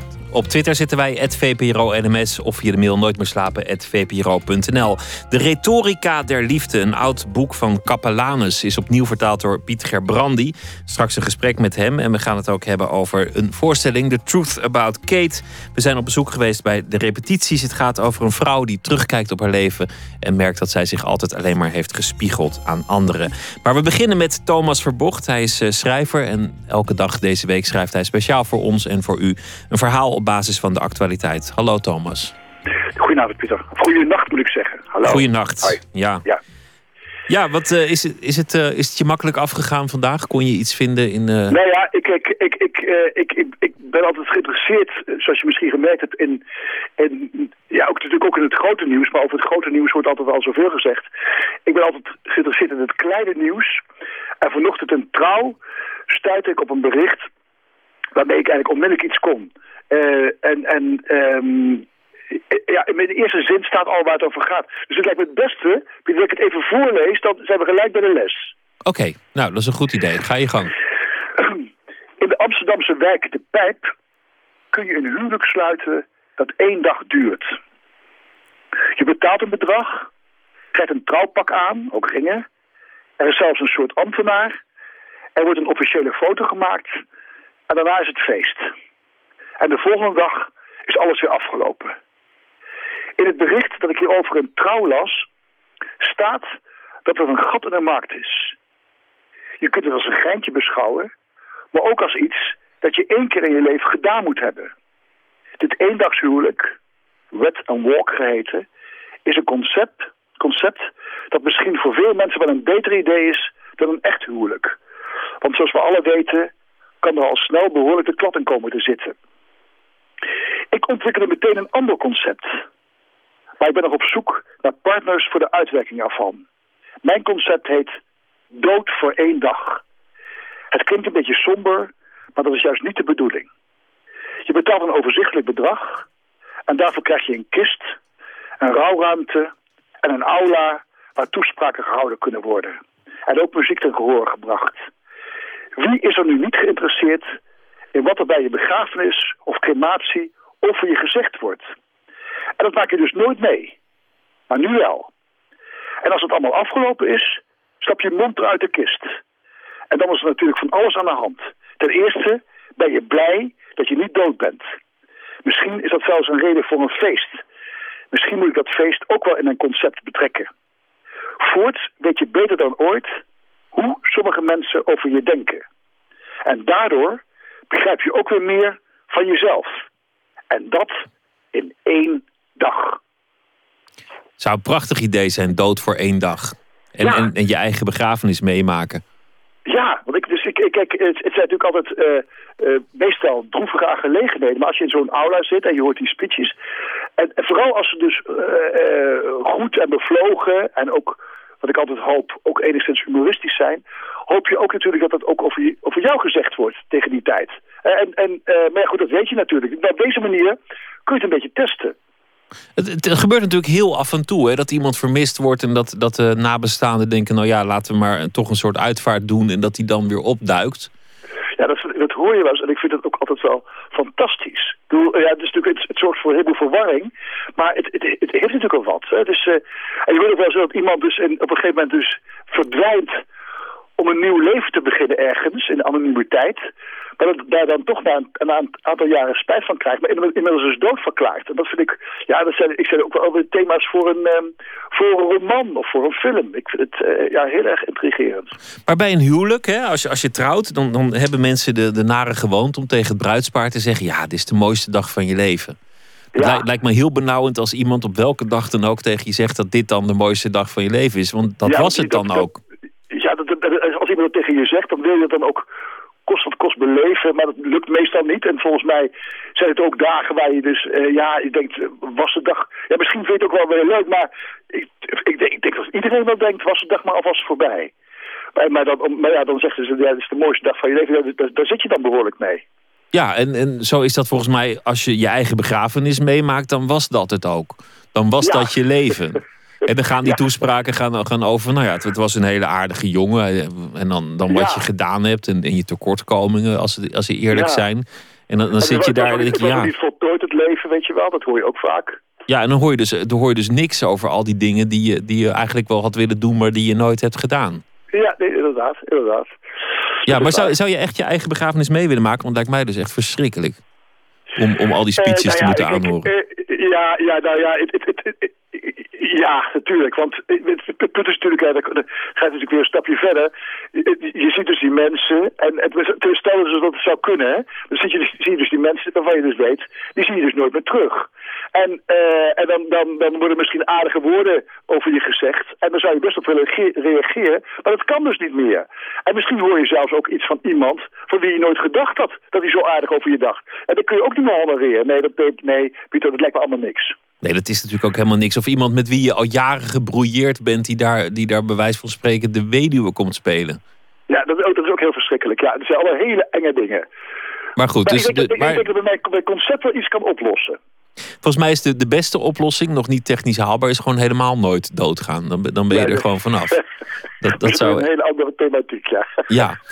ja. Goed, dankjewel. Het was, het was een mooi verhaal en een, en een eh, inspirerende gedachte. Dood voor één dag. En ja, morgen, morgen weer. Morgen weer Morgen een verhaal. eh. Ja, ik, eh, ik moet zeggen, ik, ik, ik, zie, ik zie er naar uit. Ik dacht in het begin van, ja, dat is toch wel ingewikkeld, vooral omdat iedere keer toch een soort, om het, om het fictie moet zijn. Maar de, de uitdaging is heel prikkelend. Dus eh, eh, morgen, morgen nacht hoor je me weer. Ja, en we hebben inmiddels een beetje, ja, ik weet ook niet waarom, de traditie opgevat dat ik even vraag wat je morgen gaat doen. Dus ik doe het nu ook weer, want je ging gisteren naar Maastricht, vandaag een rustig dagje. Wat staat er morgen op het programma? Nou, morgenavond is er eh, in, in, eh, in, een- in een café in, in Amsterdam, Café Zeppels, een avond die georganiseerd wordt door de Stichting Literaire Activiteiten Amsterdam. En die avond is eigenlijk gebaseerd op een verhaal dat ik ooit geschreven heb. Eh, en daar, een paar keer het woord oplepop valt. Dat er heel veel... Dat, ik, heb- ik was een keer in de boekhandel en toen vroeg ik een boek. En toen zei die boekhandelaar, nou, dat, eh, dat boek is oplepop. En dat vond ik Oppelepop. zo'n rare uitdrukking. Ik vond, ik heb ik een verhaal over gemaakt. En de directeur van de SLA, Daphne de Heer, die zei... ja, dat vind ik een mooi uitgangspunt om daar zo'n avond aan te wijden. En dat is morgenavond. Ik zei, komen er diverse collega's. eh, Maatje Wortel, Roel Bentersmeerberg... Krijn Peter Hesselink, Sanneke van Hasselink. En dan komen we daarover spreken. Marijke Boon komt zingen.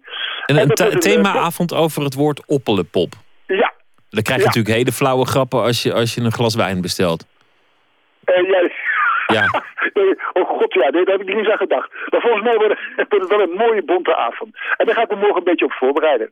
Ik wens je veel plezier en eh, morgen een nieuw verhaal. Daar verheug ik me op. Thomas Verbocht, dank je wel. Dag Pieter, dag. Ze werd geboren in Afrika, in Benin, en kwam via Parijs uiteindelijk terecht in New York. Een eh, grote ster is zij inmiddels. Ze heeft een eh, nieuwe CD, die heet eh, Eve of Eve, hoe je het maar wil zien. Opgedragen aan de Afrikaanse vrouw. We gaan luisteren naar een nummer dat heet Awalole. Hier is Angelique Kidjo.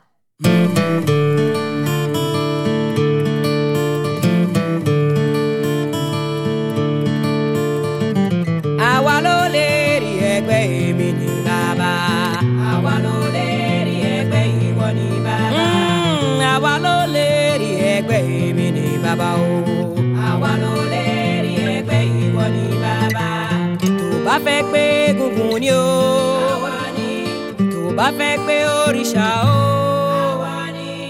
àwa ló lè rí ẹgbẹ́ èmi ní bàbá. àwa ló lè rí ẹgbẹ́ ìwọ ní bàbá.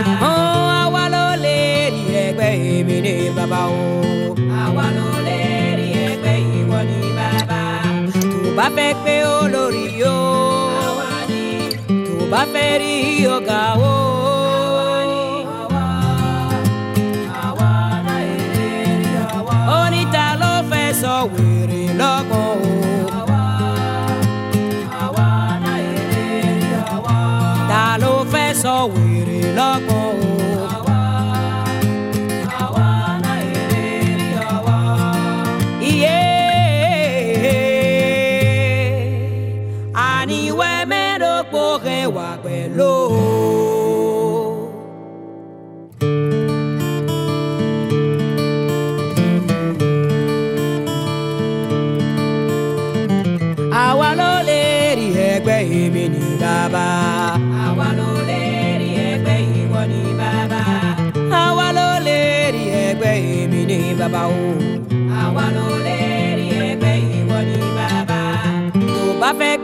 Gbé gungun ni o.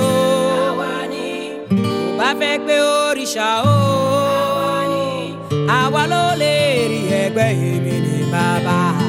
àwa ló lè rí ẹgbẹ́ ìwọ ni bàbá. ó àwa ló lè rí ẹgbẹ́ èmi ni bàbá o. àwa ló lè rí ẹgbẹ́ ìwọ ni bàbá. àwa ló lè rí ẹgbẹ́ èmi ni bàbá.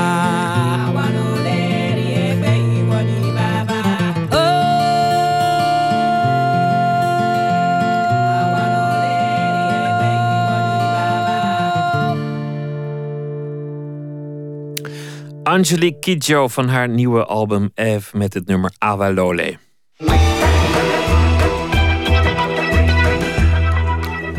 U luistert naar de VPRO, naar het programma Nooit meer slapen. We gaan het hebben over de liefde. Want aan het eind van de 12e eeuw stelde Andreas Capellanus op verzoek van een jeugdvriend een handboek op van de liefde. De Amore. Liefde beschreven als drama van verlangen en vervulling, van tomeloze hartstocht en mateloze toewijding, en van overgave en ziedende lust. Onlangs verscheen dit eeuwenoude boek in een nieuwe vertaling uit het Latijn vertaald door Piet Gerbrandi. Onze verslaggever Anton de Goede ontmoette, de dichter en klassicus op een toepasselijke plek en stelde meteen maar de prangende vraag: wat moeten wij als 21ste eeuwers nog met zo'n oud boek?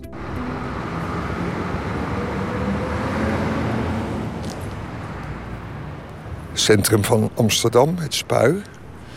We staan met de rug naar het Maagdenhuis van de Universiteit van Amsterdam. En daar is de poort van het Begijnhof, midden in Amsterdam dus. En Piet Gerbrandi, hartelijk welkom trouwens.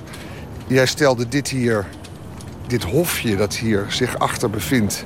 achter de deur die we zo meteen doorgaan...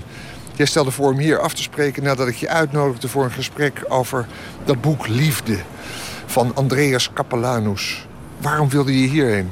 Nou, het is een eh, mooie plek voor reflectie midden in de stad. Eh, met bovendien natuurlijk een, een, een religieuze uh, context, religieuze achtergrond. En dat is precies eh, waar dat boek Liefde ook meespeelt. Als je je voorstelt dat hier begijntjes hebben gewoond... die hebben zitten smachten, ja, waarschijnlijk naar God... maar misschien ook wel naar andere dingen... dan denk ik dat dat precies een goede locatie is voor, eh, voor dit boek. Laten we naar binnen gaan. En de begijntjes, want wie waren dat nou ook alweer? Ja, dat zijn vrouwen die proberen te leven op een, eh, op een religieuze manier... zonder dat het echt een kloostergemeenschap is. Dus eh, eh, de, de, de, de vrijheden zijn veel groter dan in een kloosterorde. Hier zijn we nu, hè? Mooi. Grasveldje, sneeuwklokjes. En wat gewijde stilte. Aan de overkant wat toeristen. Ik denk dat het zo groot is als een voetbalveld. En in het hart ervan een oude kerk. Ja, hoe oud die precies is, ja, er staat op dat het een 17e eeuwse kerk is. Maar het kan best zijn dat er, eh, dat er hier eerder eh, ook een religieuze plek is geweest. Dat weet ik niet. Dat heb ik verzuimd op te zoeken. Duiven, duiven, ja, bijbelse vogels, hè? Ja, bijbelse vogels? Ja, natuurlijk. Er komen in de Bijbel buitengewoon veel eh, vogels eh, eh, voorbij, met name duiven. En je zou meteen kunnen denken aan eh, die begijntjes die hier zitten, een duif zien... en denken dat er een annunciatie plaatsvindt. Kijk, hier is de Begijnhof Ja. kapel, Rooms-Katholiek. En daar heb je de Engelse hervormde kerk. En ja, eh, de religie spat hier vanaf. Nou heb jij een boek geschreven, dat heet Liefde. Maar dat is, is dat dan een re- religieus boek? Eigenlijk ook weer niet. Nee, het is een boek dat eh, buitengewoon dubbelzinnig is in een aantal opzichten. Het gaat zogenaamd, of nou ja, het gaat, dat, dat, dat is duidelijk, over seks. Het gaat over de vraag in hoeverre je overgeven aan eh, erotiek een eh, goede zaak is. Ehm, maar wat nergens eh, expliciet gezegd wordt in het boek, maar wat je moet weten, is dat het speelt tegen een achtergrond van een discussie over liefde die plaatsvond in de 12e eeuw. Waarin liefde gezien werd als ja, een manifestatie van God. En waarbij het dus de bedoeling was dat je al je liefde aanwendde om in de buurt van God te komen. Dus um, uh, je zou kunnen zeggen dat de auteur uh, op een bepaalde manier dat religieuze discours gebruikt om het op zijn kop te zetten door het over seks te gaan hebben. Waarbij voortdurend onduidelijk blijft of hij nou voor seks is of tegen seks. Zullen we even op het bankje gaan zitten? Um, eigenlijk een ontzettend leuk boek, want ik heb het gelezen. Jij hebt het nu net vertaald uit het Latijn. Ja. Want je bent Latinist, je bent dichter, je bent essayist, maar ook Latinist. Uh, we gaan hier zitten onder het bord waarop staat... Het gras verdort, de bloem valt af. Maar het woord van deze God, van onze God, houdt eeuwig stand uit Jezaja. uh, nou, um, maar goed, je hebt dat boek vertaald en het uh, in hedendaags Nederlands uh, overgezet. En het, is, het, het, het, het leest alsof je uh, Frank Catreur leest, zal ik maar zeggen. Of, ik dat nou als een compliment moet opvatten? het, nou ja, kijk, het, het, het onderwerp is natuurlijk iets wat ons allen van nature aanspreekt. Uh, maar over de stijl valt nog wel iets anders te zeggen. Want de man schrijft eigenlijk tamelijk moeizaam Latijn. Uh, ja, moeizaam is misschien niet helemaal het goede woord. Hij probeert zo mooi mogelijk Latijn te schrijven. En dat lukt niet helemaal. Dus het is een nogal gekunstelde stijl met ontzettend veel herhalingen erin. Ellenlange zinnen. En ik heb geprobeerd ook de vreemdheid van dat Latijn toch ook in een vertaling te laten doorklinken. Dus... Ja, maar toch leest het heel goed. Het leest uh, vlot en snel. En, uh... Nou, dat pleit dan misschien voor jou als lezer. okay.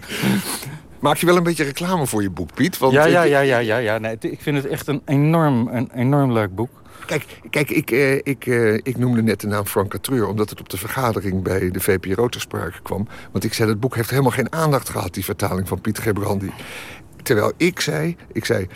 Uh, terwijl als Frank Catreur het geschreven of vertaald had... dan had ze er al drie keer bij De Wereld Draait Door over zitten praten. Want die ziet er leuk uit. En Piet Gebrandi ziet er ook leuk uit. Maar het is niet een... Uh, een uh, het is geen jonge god. Nee. Nee, maar het is toch zo. Want, ik, ik, het boek is al uit sinds eind november. En ik zei, uh, heeft het aandacht gekregen? Je zei, nee, het is akelig stil rond dit boek. Hoe komt dat? Nou, Uh, dat komt inderdaad, uh, ja, misschien is het, is het toeval. Misschien komt het doordat het uh, een twaalfde eeuws boek is... en uh, mensen geneigd zouden kunnen zijn om te denken van... nou, dat is dus eh, voorbij. maar er staat tegenover dat in tegenstelling tot Franka Treur... dit natuurlijk geen eendagsvlieg is. Dit is een boek dat al 800 jaar gelezen wordt. En dat zeker ook in deze vertaling, die natuurlijk heel goed is... Uh, denk ik ook de komende tientallen jaren weer gelezen zal worden. Uh, omdat het een boek is dat, dat uh, grote faam geniet onder met name medievisten, Nederlandici, maar ook mensen van de andere middeleeuwse literaturen. Omdat het namelijk sinds de 19e eeuw te boek staat als een soort theoretisch handboek voor de hoofdse liefde. Nou is het dat niet. Dat is een misvatting, denk ik. Maar... Want de hoofdste liefde, dat was ook alweer? Nou ja, dat is een vorm van, van uh, aanbidding van vrouwen... waarbij bij voorbaat vaststaat staat dat de vrouw die je uh, op een voetstuk zet... Een, meestal een adellijke dame, dat die onbereikbaar is... en dat ze nooit op je, op je wensen zal ingaan. En um, dat is dus een... Uh, een, een, een uh, in essentie zeer frustrerende vorm van, van liefde... die uit een treuren bezongen is door uh, troubadours in de 12e eeuw. 12e en 13e eeuw. En um, aangezien ook in dit boek sprake is van... pogingen om vrouwen te veroveren die onbereikbaar zijn... is wel gedacht dat dit als het ware een soort, uh, soort onderbouwing van die, uh, van die Hoofdse lyriek zou zijn.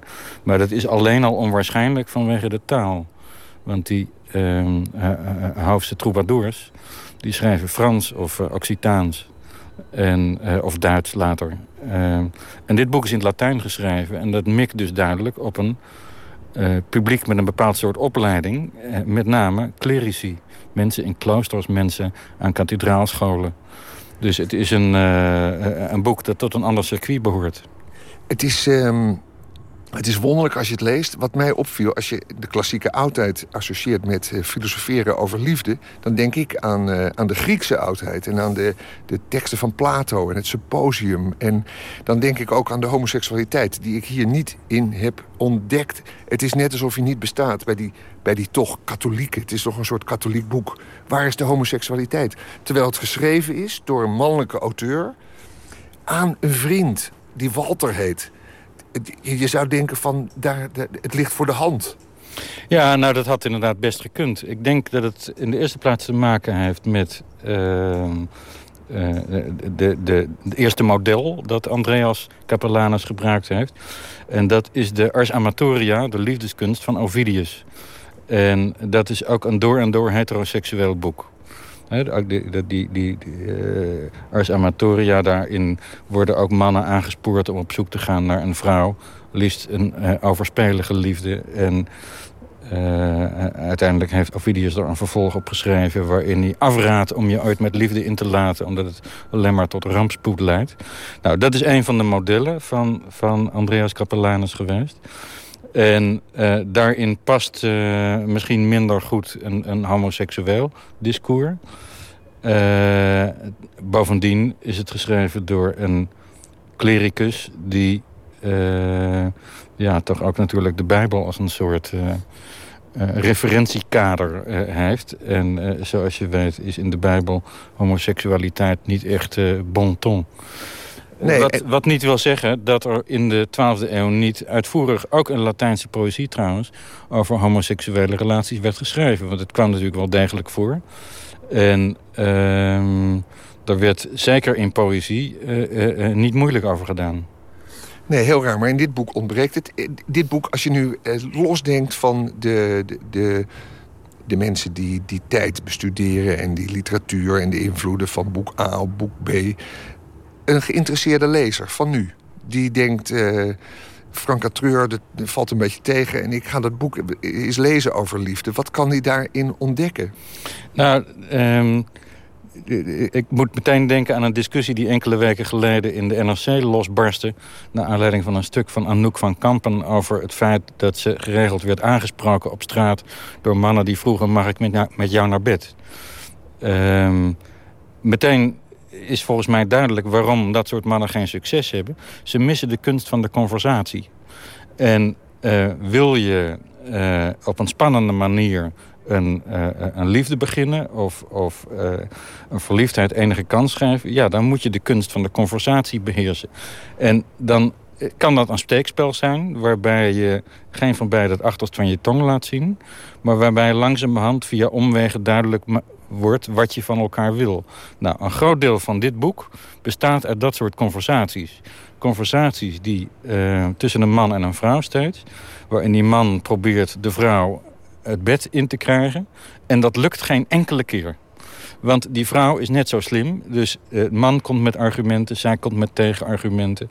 Het zijn vaak ontzettende lulargumenten. Maar het gaat niet om die argumenten. Het gaat om het feit dat je in staat bent om elkaar vliegen af te vangen. En dat je in staat bent dat gevecht aan te gaan. En daar zit het plezier in. Dus het erotische plezier zit misschien eerder in de... Uh, ja, in het, in, het, in het gevecht in de taal... dan uh, dat er vervolgens werkelijk uh, iets mee gebeurt. Hoe werkt, ja, een persoonlijke vraag ligt nu uh, bij mij op de lippen. Werkt dat bij jou persoonlijk ook zo, Piet? Nou, ik zou inderdaad denken dat als, als een vrouw uh, op mijn vraag... zou je met mij naar bed willen, meteen ja zegt... dan is voor mij de lol er ook meteen af.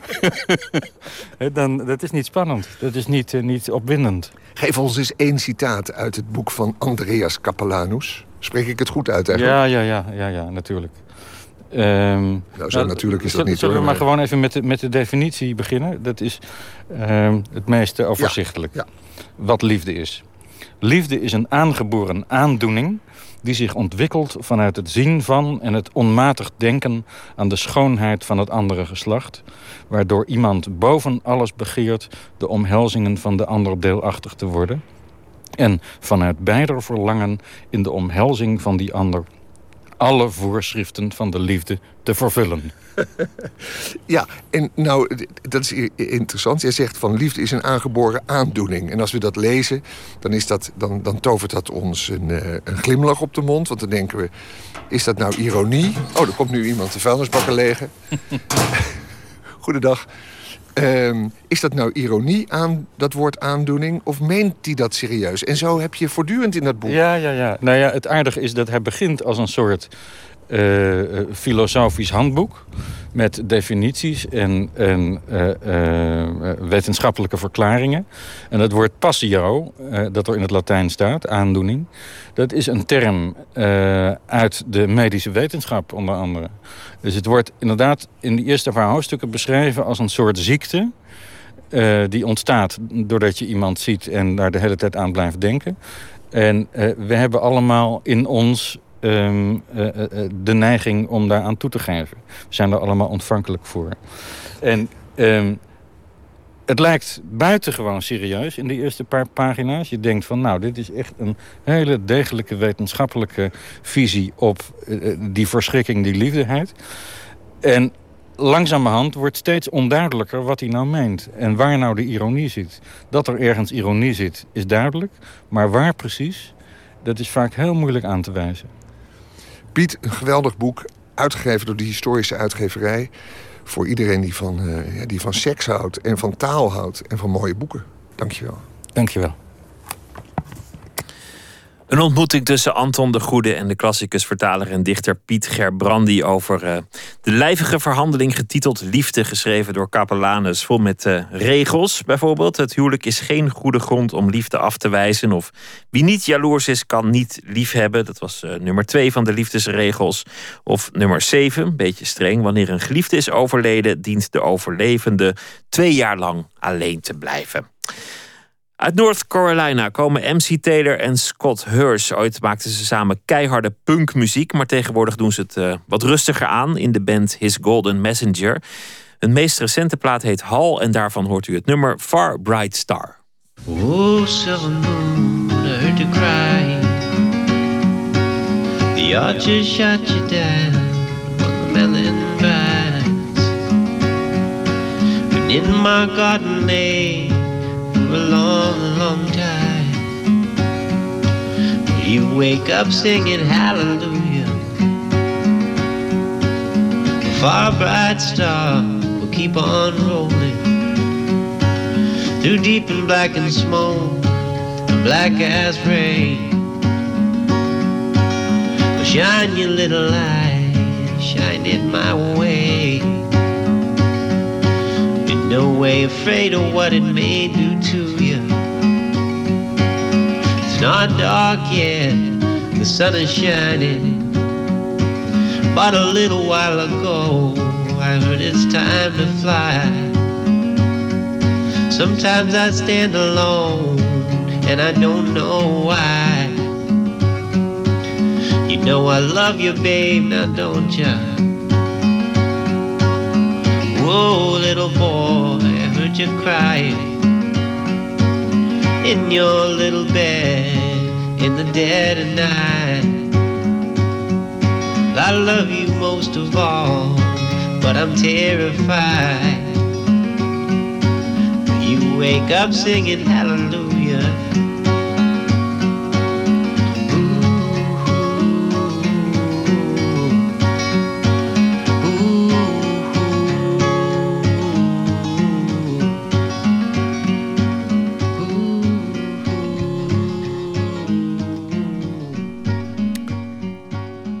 Far Bright Star van His Golden Messenger. Onlangs traden ze nog op in Nederland. En aanstaande zondag, voor de Belgische luisteraars, treden zij op in Brussel in Ancien Belgique. In de rubriek Door de Nacht vertellen mensen wat hen in letterlijke of figuurlijke zin door de nacht heen helpt als de slaap ze niet wil vatten. Hoe ze dan uh, hun troost zoeken of, uh, of gewoon tijdverdrijf. En vannacht.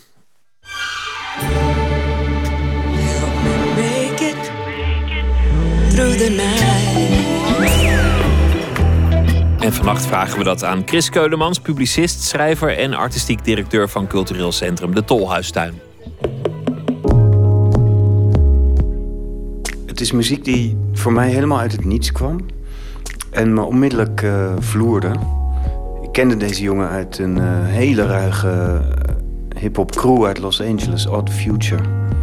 Maar toen hij zelf kwam met zijn album vorig jaar, uh, bleek het majestueuze, gepijnigde, heel eerlijke en, en nou ja, een soort, soort klap in je knieën hip-hop te zijn.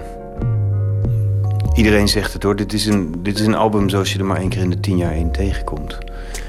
Uh, je had in de jaren 60 Marvin Gaye en toen jaren 70 Stevie Wonder, jaren 80 Prince, jaren 90 uh, uh, um, Lauryn Hill, 2000 Most Def en nu komt Frank Ocean met Channel Orange.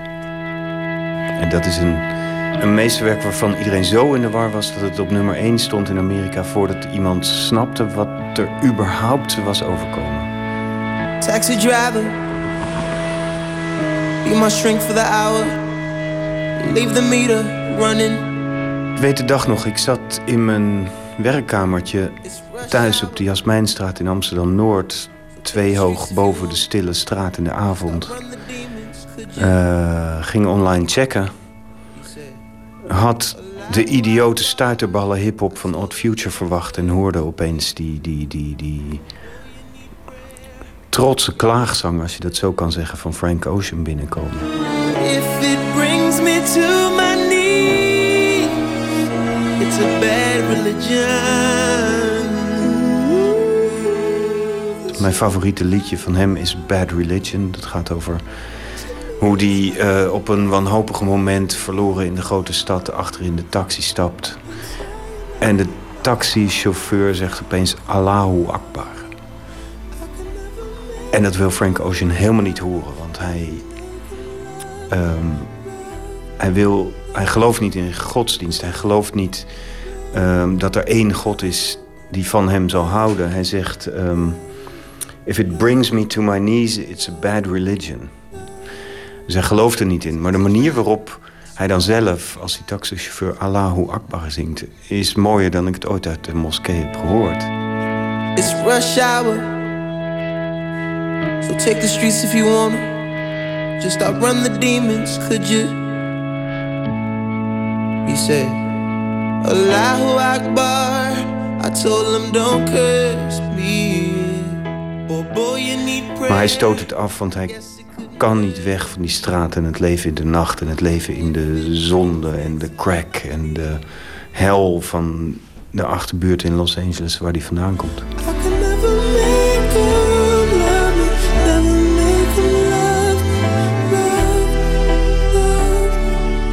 Waarom die tegelijkertijd met het album in het nieuws kwam... was omdat hij een van de allereerste...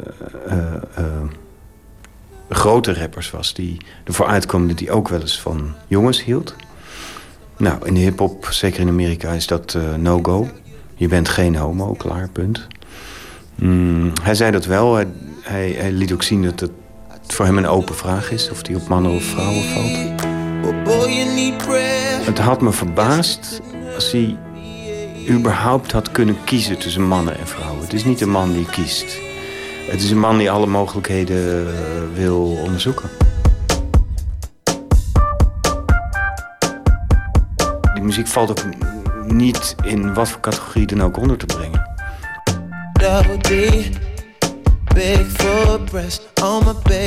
Ik zit vaak tot in de kleine uurtjes te werken aan hele grote plannen voor de Tolhuistuin. En dan heb ik het wel nodig dat ik iets hoor wat um, zeg maar de vensters wijd openzet. Frank Ocean is van een wijsheid en een kalmte die past bij de nacht.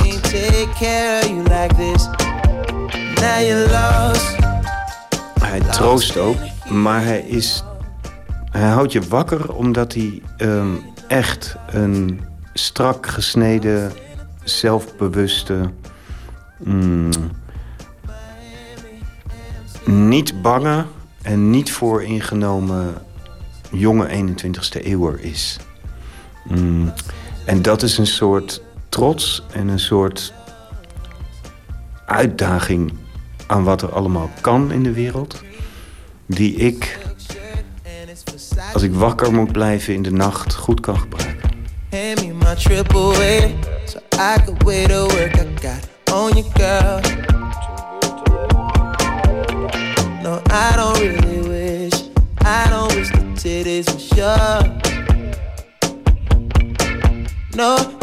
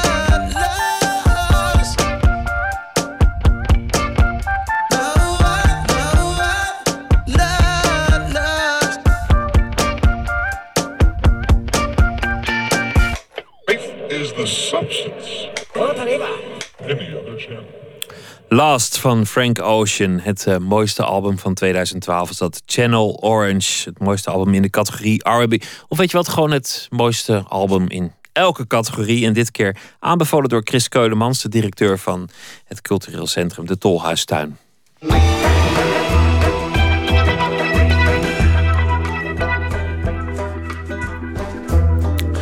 Een jonge vrouw blikt terug op haar leven en realiseert zich dat ze dat leven zelf geconstrueerd heeft door zich te spiegelen aan anderen, aan filmsterren, aan YouTube-filmpjes, aan entertainmentprogramma's. Dat is het thema van de voorstelling The Truth About Kate. Volgende week donderdag gaat het stuk in première in Theater Frascati in Amsterdam. Reden om alvast op bezoek te gaan bij de repetitie. Regisseur Davy Pietersen is druk bezig met de laatste loodjes en ontmoet onze verslaggever Inge Terschuren. Natuurlijk Precies hoe dat Kate, de wereldberoemde Kate, een appartementje zou hebben in zo'n mottige buurt als de mijne. En wel, daar heb ik mij ook afgevraagd. Dus ik dacht, dan zal het wel niet, hè. Dan zal ik het wel verzonnen hebben, hè. Of me nog eigenlijk niet gebeld. Davy Pieters, jij bent eh, druk bezig met de repetities van jouw eh, stuk The Truth About Kate hier in eh, Frascati in Amsterdam. Hoe, eh, hoe gaat het tot nu toe? Het gaat eh, heel goed, vind ik zelf. We zitten wel goed op schema, zo je het moet noemen. Het is nu eh, een kwestie van alle ingrediënten eh, in elkaar monteren. En, eh, en het ja, zoeken naar ehm, ja, hoe de soort van trip die het waarschijnlijk gaat worden... hoe je dat eh, op een soort organische manier in elkaar kan maken. Maar het is vooral heel erg leuk. Het is heel leuk materiaal, al zeg ik het zelf. En eh, al die ingrediënten, kun je daar iets eh, meer over vertellen? Wat is het voor stuk? Eh, The Truth About Kate is een... ehm, ja, het is, het is niet per se een heel klassiek stuk... maar het is toch, heeft toch een soort begin bij een soort verhaaltje. Het gaat over een vrouw die ehm, de documentaire van haar eigen leven gaat spelen. En dan, ze stelt zich eigenlijk voor dat ze, uh, alsof ze al gestorven is. En alsof ze eigenlijk ja, echt iemand was, maar dan echt maar 100.000. Dus ze was een super celebrity, maar bijna op een soort ver, verafgoding-achtige manier. En ze speelt nooit zichzelf, maar ze speelt iedereen die in die documentaire over haar spreekt. Dus um, over de ingrediënten. De, de actrice speelt um, ja, iets van uh, 25, 30 personages die Kate hebben gekend. Of iets met Kate hebben gedaan. En um, die komen voor in die documentaire, die speelt ze. En tegelijkertijd, je zou het echt moeten zien als een soort um, documentaire MTV-achtige vorm. Dus uh, je hoort ook het geluid van toen of het geluid van de die onder die documentaire zit. En, um, dus dat aan ingrediënten.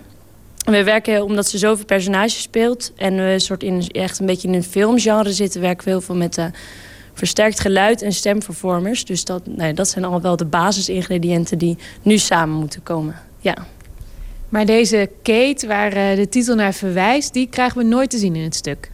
Je ziet natuurlijk, uh, je ziet natuurlijk Kate wel. Maar um, wie Kate eigenlijk echt was je ziet haar eigenlijk door de ogen van anderen die over haar praten. En je ziet haar meer fysiek op het toneel. Maar um, we, horen haar nooit iets vertellen over haar leven. Dus het, is echt een identiteit gecreëerd door de ogen van anderen. En um, dat is ook wel heel erg waar de voorstelling over gaat. Dat, uh, ja, hoe construeer, construeer je een identiteit? En vooral, um, wat worden er nu zoal eigenlijk voor soort van formats gebruikt om dat te doen? Of wat voor, ja, wat voor beelden worden er geschetst van mensen?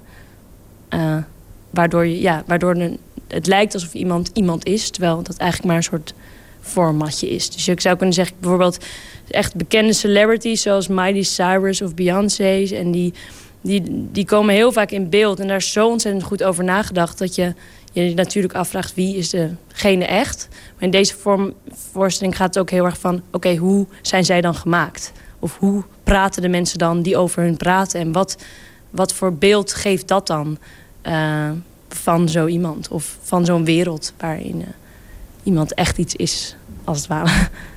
En de invloed die je daar zelf als uh, persoon op hebt... heeft Kate zelf ook invloed op dat beeld? Of gaat het echt om het beeld dat anderen van haar hebben? Nou ja, in essentie uh, bedenkt zij het zelf. Dus ze, ze, ze, stelt zich een wereld voor. En die wereld is heel erg geïnspireerd op een celebrity cultuur, een talkshow cultuur. En, en um, ja, gewoon de, denk wel de droom van iedereen een beetje dat je ooit... Iedereen wil wel een beetje een rockstar zijn voor een uitzinnige menigte die ja, omarmd wordt. Dus uh, zij heeft heel veel invloed op... Um, ja, ik denk dat het idee, of de voorstelling of het idee um, eenvoudig begint van ik wil heel mooi kunnen zingen en ik wil een rockster worden, maar dat ze raakt geïnspireerd door zoveel beelden die wij eigenlijk kennen. Of talkshows of slechte televisie en MTV en clips en um, nou ja, seksfilmpjes. En dat, dat wordt zo'n uh, blurry eigenlijk. Dat ze heel erg verstrikt raakt in dat eigen idee. Omdat het, ja, het, het, haar, uh, haar concept eigenlijk van ik ga de documentaire van mijn leven bedenken. Dat is, en ik ben een super celebrity, om even simpel te zeggen. Uh, als je geïnspireerd daarop gaat associëren en fantaseren... wordt het, is, wordt het heel veel, een hele grote mes eigenlijk. Maar ik zag het wel, hè. Ik zag Kate, de echte en de enigste. Een baby in dat badje leggen, mijn naald in de arm steken en onder het gaan. Dat kindje heeft nog zeker een kwartier liggen spartelen. Maar later nou, we het niet meer. Maar ja, de politie zei dat dat niet kon. Dus als de politie het zegt, dan zal het wel niet kunnen, hè. Dan zal ik het maar eigenlijk niet gebeeld hebben, hè. Dan zal ik Kate nu hebben zien vertrekken, hè. Dan zal ik al die dagen dat kindje niet in dat badje hebben zien liggen, hè. Opgezwollen, blauw, gelijk zo'n pop. Gelijk zo'n hele lelijke pop. Met kak en pis in badwater. Met vliegen op mijn badje heen. Maar ik had niet gewild hebben. En zou zeggen dat er niks van waar is. Ja, ik heb net een stuk van de repetities gezien. En uh, daarin was die waarheid over Kate die was, uh, niet al te florisant. Ik weet niet of ik al iets daarvan mag verklappen. Maar ehm, ze laat bijvoorbeeld haar kind in een badkuip verdrinken. dus blijkbaar doet het niet veel goeds met haar inderdaad, de, ze maakt hele heftige dingen mee. Maar dat is ook een beetje een soort van de, de zoektocht of het verlangen naar dramatiek... of het heftige dingen meemaken of, of, of uh, het verlangen om in een film te zitten... waarin zoiets heftigs gebeurt, dat je dat dan heel dramatisch uit kan spelen. Dus het, eigenlijk dat je dan het verlangen van haar om, om zoiets heftigs mee te maken... of zoiets heftigs te spelen, dat is waar. Maar tegelijkertijd is er wel natuurlijk ja, een kind aan het vermoorden, als het ware. En dat is, en dat is, dat op dat moment verlies je eigenlijk een soort verantwoordelijkheidsidee. Of dit kan in het echte leven natuurlijk helemaal niet. Dus in, ze, ze begint met een soort mooi beeld, maar dat beeld, ja, ze wil zoveel meer dat, dat, dat ze daarin verstrikt raakt. En dat het in die zin op een gegeven moment naar geestig wordt, omdat je ja, niet, dingen niet meer kunnen zoals, zoals je het dingen gewoon niet kunnen. Jij bent zelf halverwege 20, 5, 26? 25. Is dat iets wat je om je heen veel ziet? Mensen die zich uh, verliezen in uh, social media en in reality tv, in soaps en in het nadoen van celebrities? Um, ja, dat, dat zie ik echt heel veel om me heen. Ik denk dat we dat allemaal, ja, dat heel veel, dat we dat allemaal wel veel om ons heen zien. Facebook is natuurlijk het simpelste voorbeeld waar je echt heel bewust bezig bent met een constructie maken van of een beeld van jezelf naar buiten brengen. En um, nou ja, wat ik heel erg spannend vind, of wat ik ook wel onderzoek zeg maar, in mijn werk, is op wanneer, um, wanneer het beeld dat jij van de realiteit soort van hebt geconstrueerd, gemaakt, wanneer dat gaat over, die, overvloeien met jouw echte leven. Dus dat je je ja, emotioneel beïnvloed raakt door een beeld dat je van jezelf hebt gemaakt. En uh, dat vind ik heel spannend. Op het moment dat fictie en realiteit door elkaar gaan mengen... en je dus dingen gaat doen die je misschien niet zou doen... of dat je verdrietig of boos raakt om... Eh, without any reason. Of ja, als het diffuus wordt of zo. Ja, dat eigenlijk jouw geconstrueerde werkelijkheid jezelf gaat overnemen. Bijvoorbeeld, ja. ja dat het dat jou overneemt. En het eng is natuurlijk op, dat je het soms niet merkt wanneer dat gebeurt. Uh, een vriend van mij, dat, dat vind ik altijd wel... Daar moet ik vaak aan denken. Die, uh, die heeft een bepaald beeld. Nou ja, iedereen denk ik, van zichzelf op Facebook. En die ging naar de kroeg. En, die, en toen kwamen er heel veel mensen op hem af. En die vertelden van... Oh, je bent dit aan het doen, wat leuk. En, maar hij voelde zich eigenlijk heel ongelukkig op dat moment in zijn leven. En toen in de kroeg... gingen helemaal met de mensen meespelen... die op, op dat beeld van hem aan het reageren waren. Alsof dat was zoals hij zich voelde. En hij ging zich helemaal daarnaar acteren. En toen hij thuis kwam, toen vertelde hij eigenlijk aan mij van... Dat was zo raar, want ik was echt in het beeld van mijn eigen leven aan het acteren. En ik voel me helemaal niet zo, maar op dat moment wel. En op dat zo'n moment gaan dingen door elkaar lopen. En dat, dat vind ik in ieder geval heel interessant. morgen om 9.30 uur 30 ontving ondergetekende een dringende oproep van Kirsten Davis winkelmanager van Kick-Ass Record. Bij gehoor geven aan de oproep ontwaarde ondergetekende een sterk vervuilde en bij kans naakte vrouw die als een dolle door het winkelpand stoof en daarbij muziek, memorabilia en merchandise in het rond gooide, verscheurde en vertrapte. Het is ook wel een heel actueel onderwerp. Er wordt natuurlijk heel veel gepraat over uh, nou, inderdaad Facebook, wat mensen erop zetten, privacy, gegevens die worden uh, opgeslagen. Is het ook iets wat jij uh, verontrustend vindt? Dat er steeds meer nou, wij die identiteit laten afhangen van de, de media? ik denk dat ik het dus niet verontrustend vind, omdat ik het gewoon een heel spannend gebied vind. Dus ik denk alleen maar, ja, ik, ben, ik, ben, ik vind het gewoon interessant hoe dingen dan worden gemaakt. Of hoe mensen dan een identiteit construeren. Maar ook bijvoorbeeld nu heel specifiek met zo'n documentaire. Um, alle, als je 25 MTV-documentaires gaat kijken... dan over 25 verschillende popsterren of celebrities... dan lijkt het alsof ze allemaal hetzelfde leven hebben. En dat is een soort dat je denkt... oh ja, dat is heel, natuurlijk een vertekend beeld. En dat is de vraag wat is echt en wat is niet echt over dit persoon vind ik dan niet zo interessant. Maar meer, oké, blijkbaar is er dus een soort systeem of een soort eh, constructie. Als je dat maar op iets plakt en het zo monteert of het zo maakt, dan lijkt het dus allemaal zo. En dat, ja, dat vind ik wel, dat vind ik juist interessant. Hoe dat steeds meer wordt gedaan. Hoe, hoe er meer met de echte wereld wordt gespeeld of gemanipuleerd. Of zo. Ik heb natuurlijk eventjes eh, gezocht voor dit gesprek, maar ik kon jou niet vinden op Facebook. Klopt dat? Oh ja, ik ben er wel echt.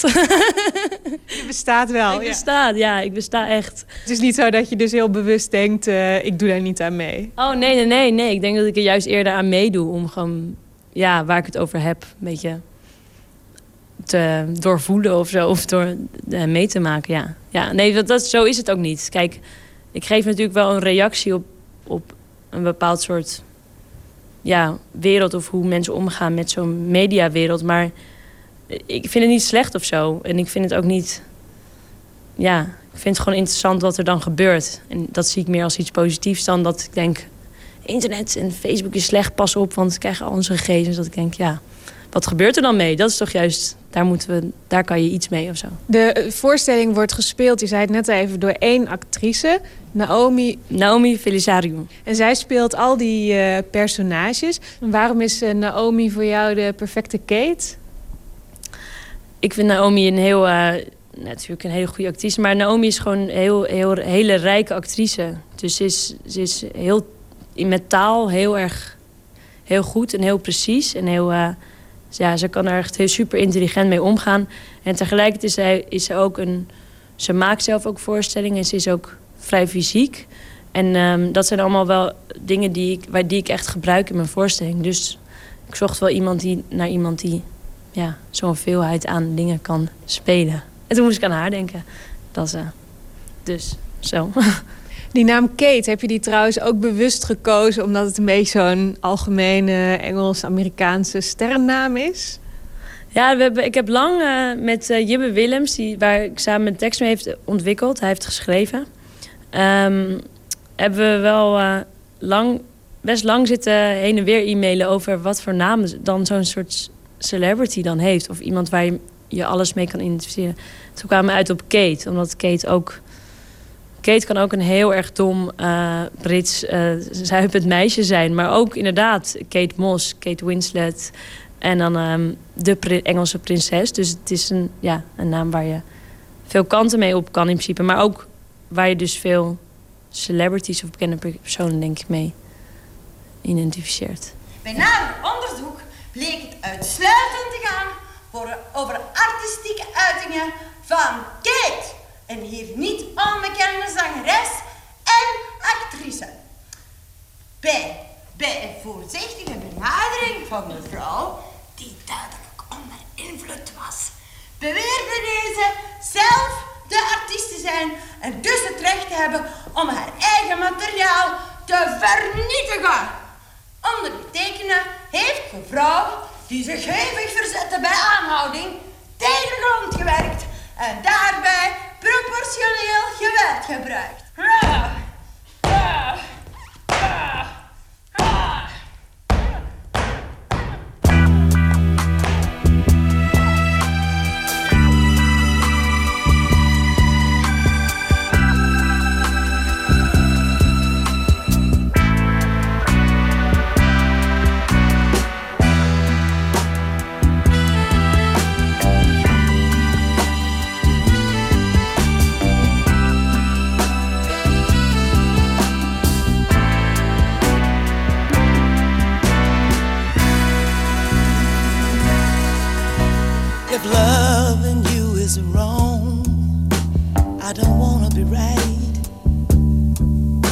If being right means being without you, I'd rather live alone to a lie. Your mama and daddy say it's a shame, it's a downright disgrace.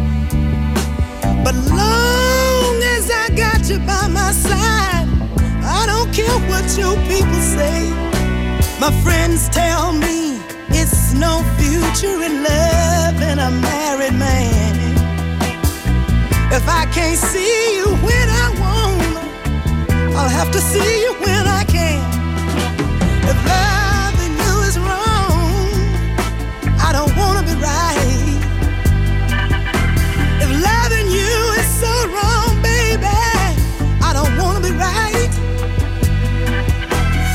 Am I wrong to fall so deeply When you have a wife and two little children depending on you too. Am I wrong to hunger for the gentleness of your touch? Knowing you have someone else at home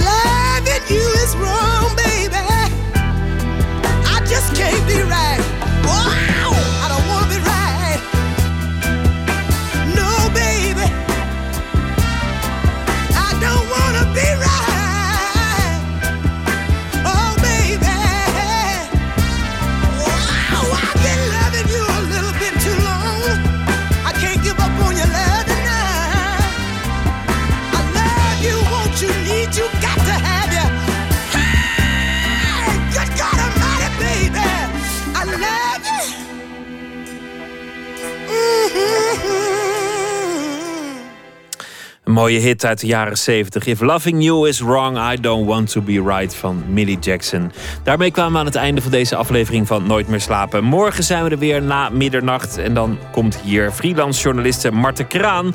Zij debuteert als schrijver en zij woont in India. Dat morgen. Graag tot dan. Voor nu een mooie nacht. Morgen een mooie dag. Op Radio 1, het nieuws van alle kanten.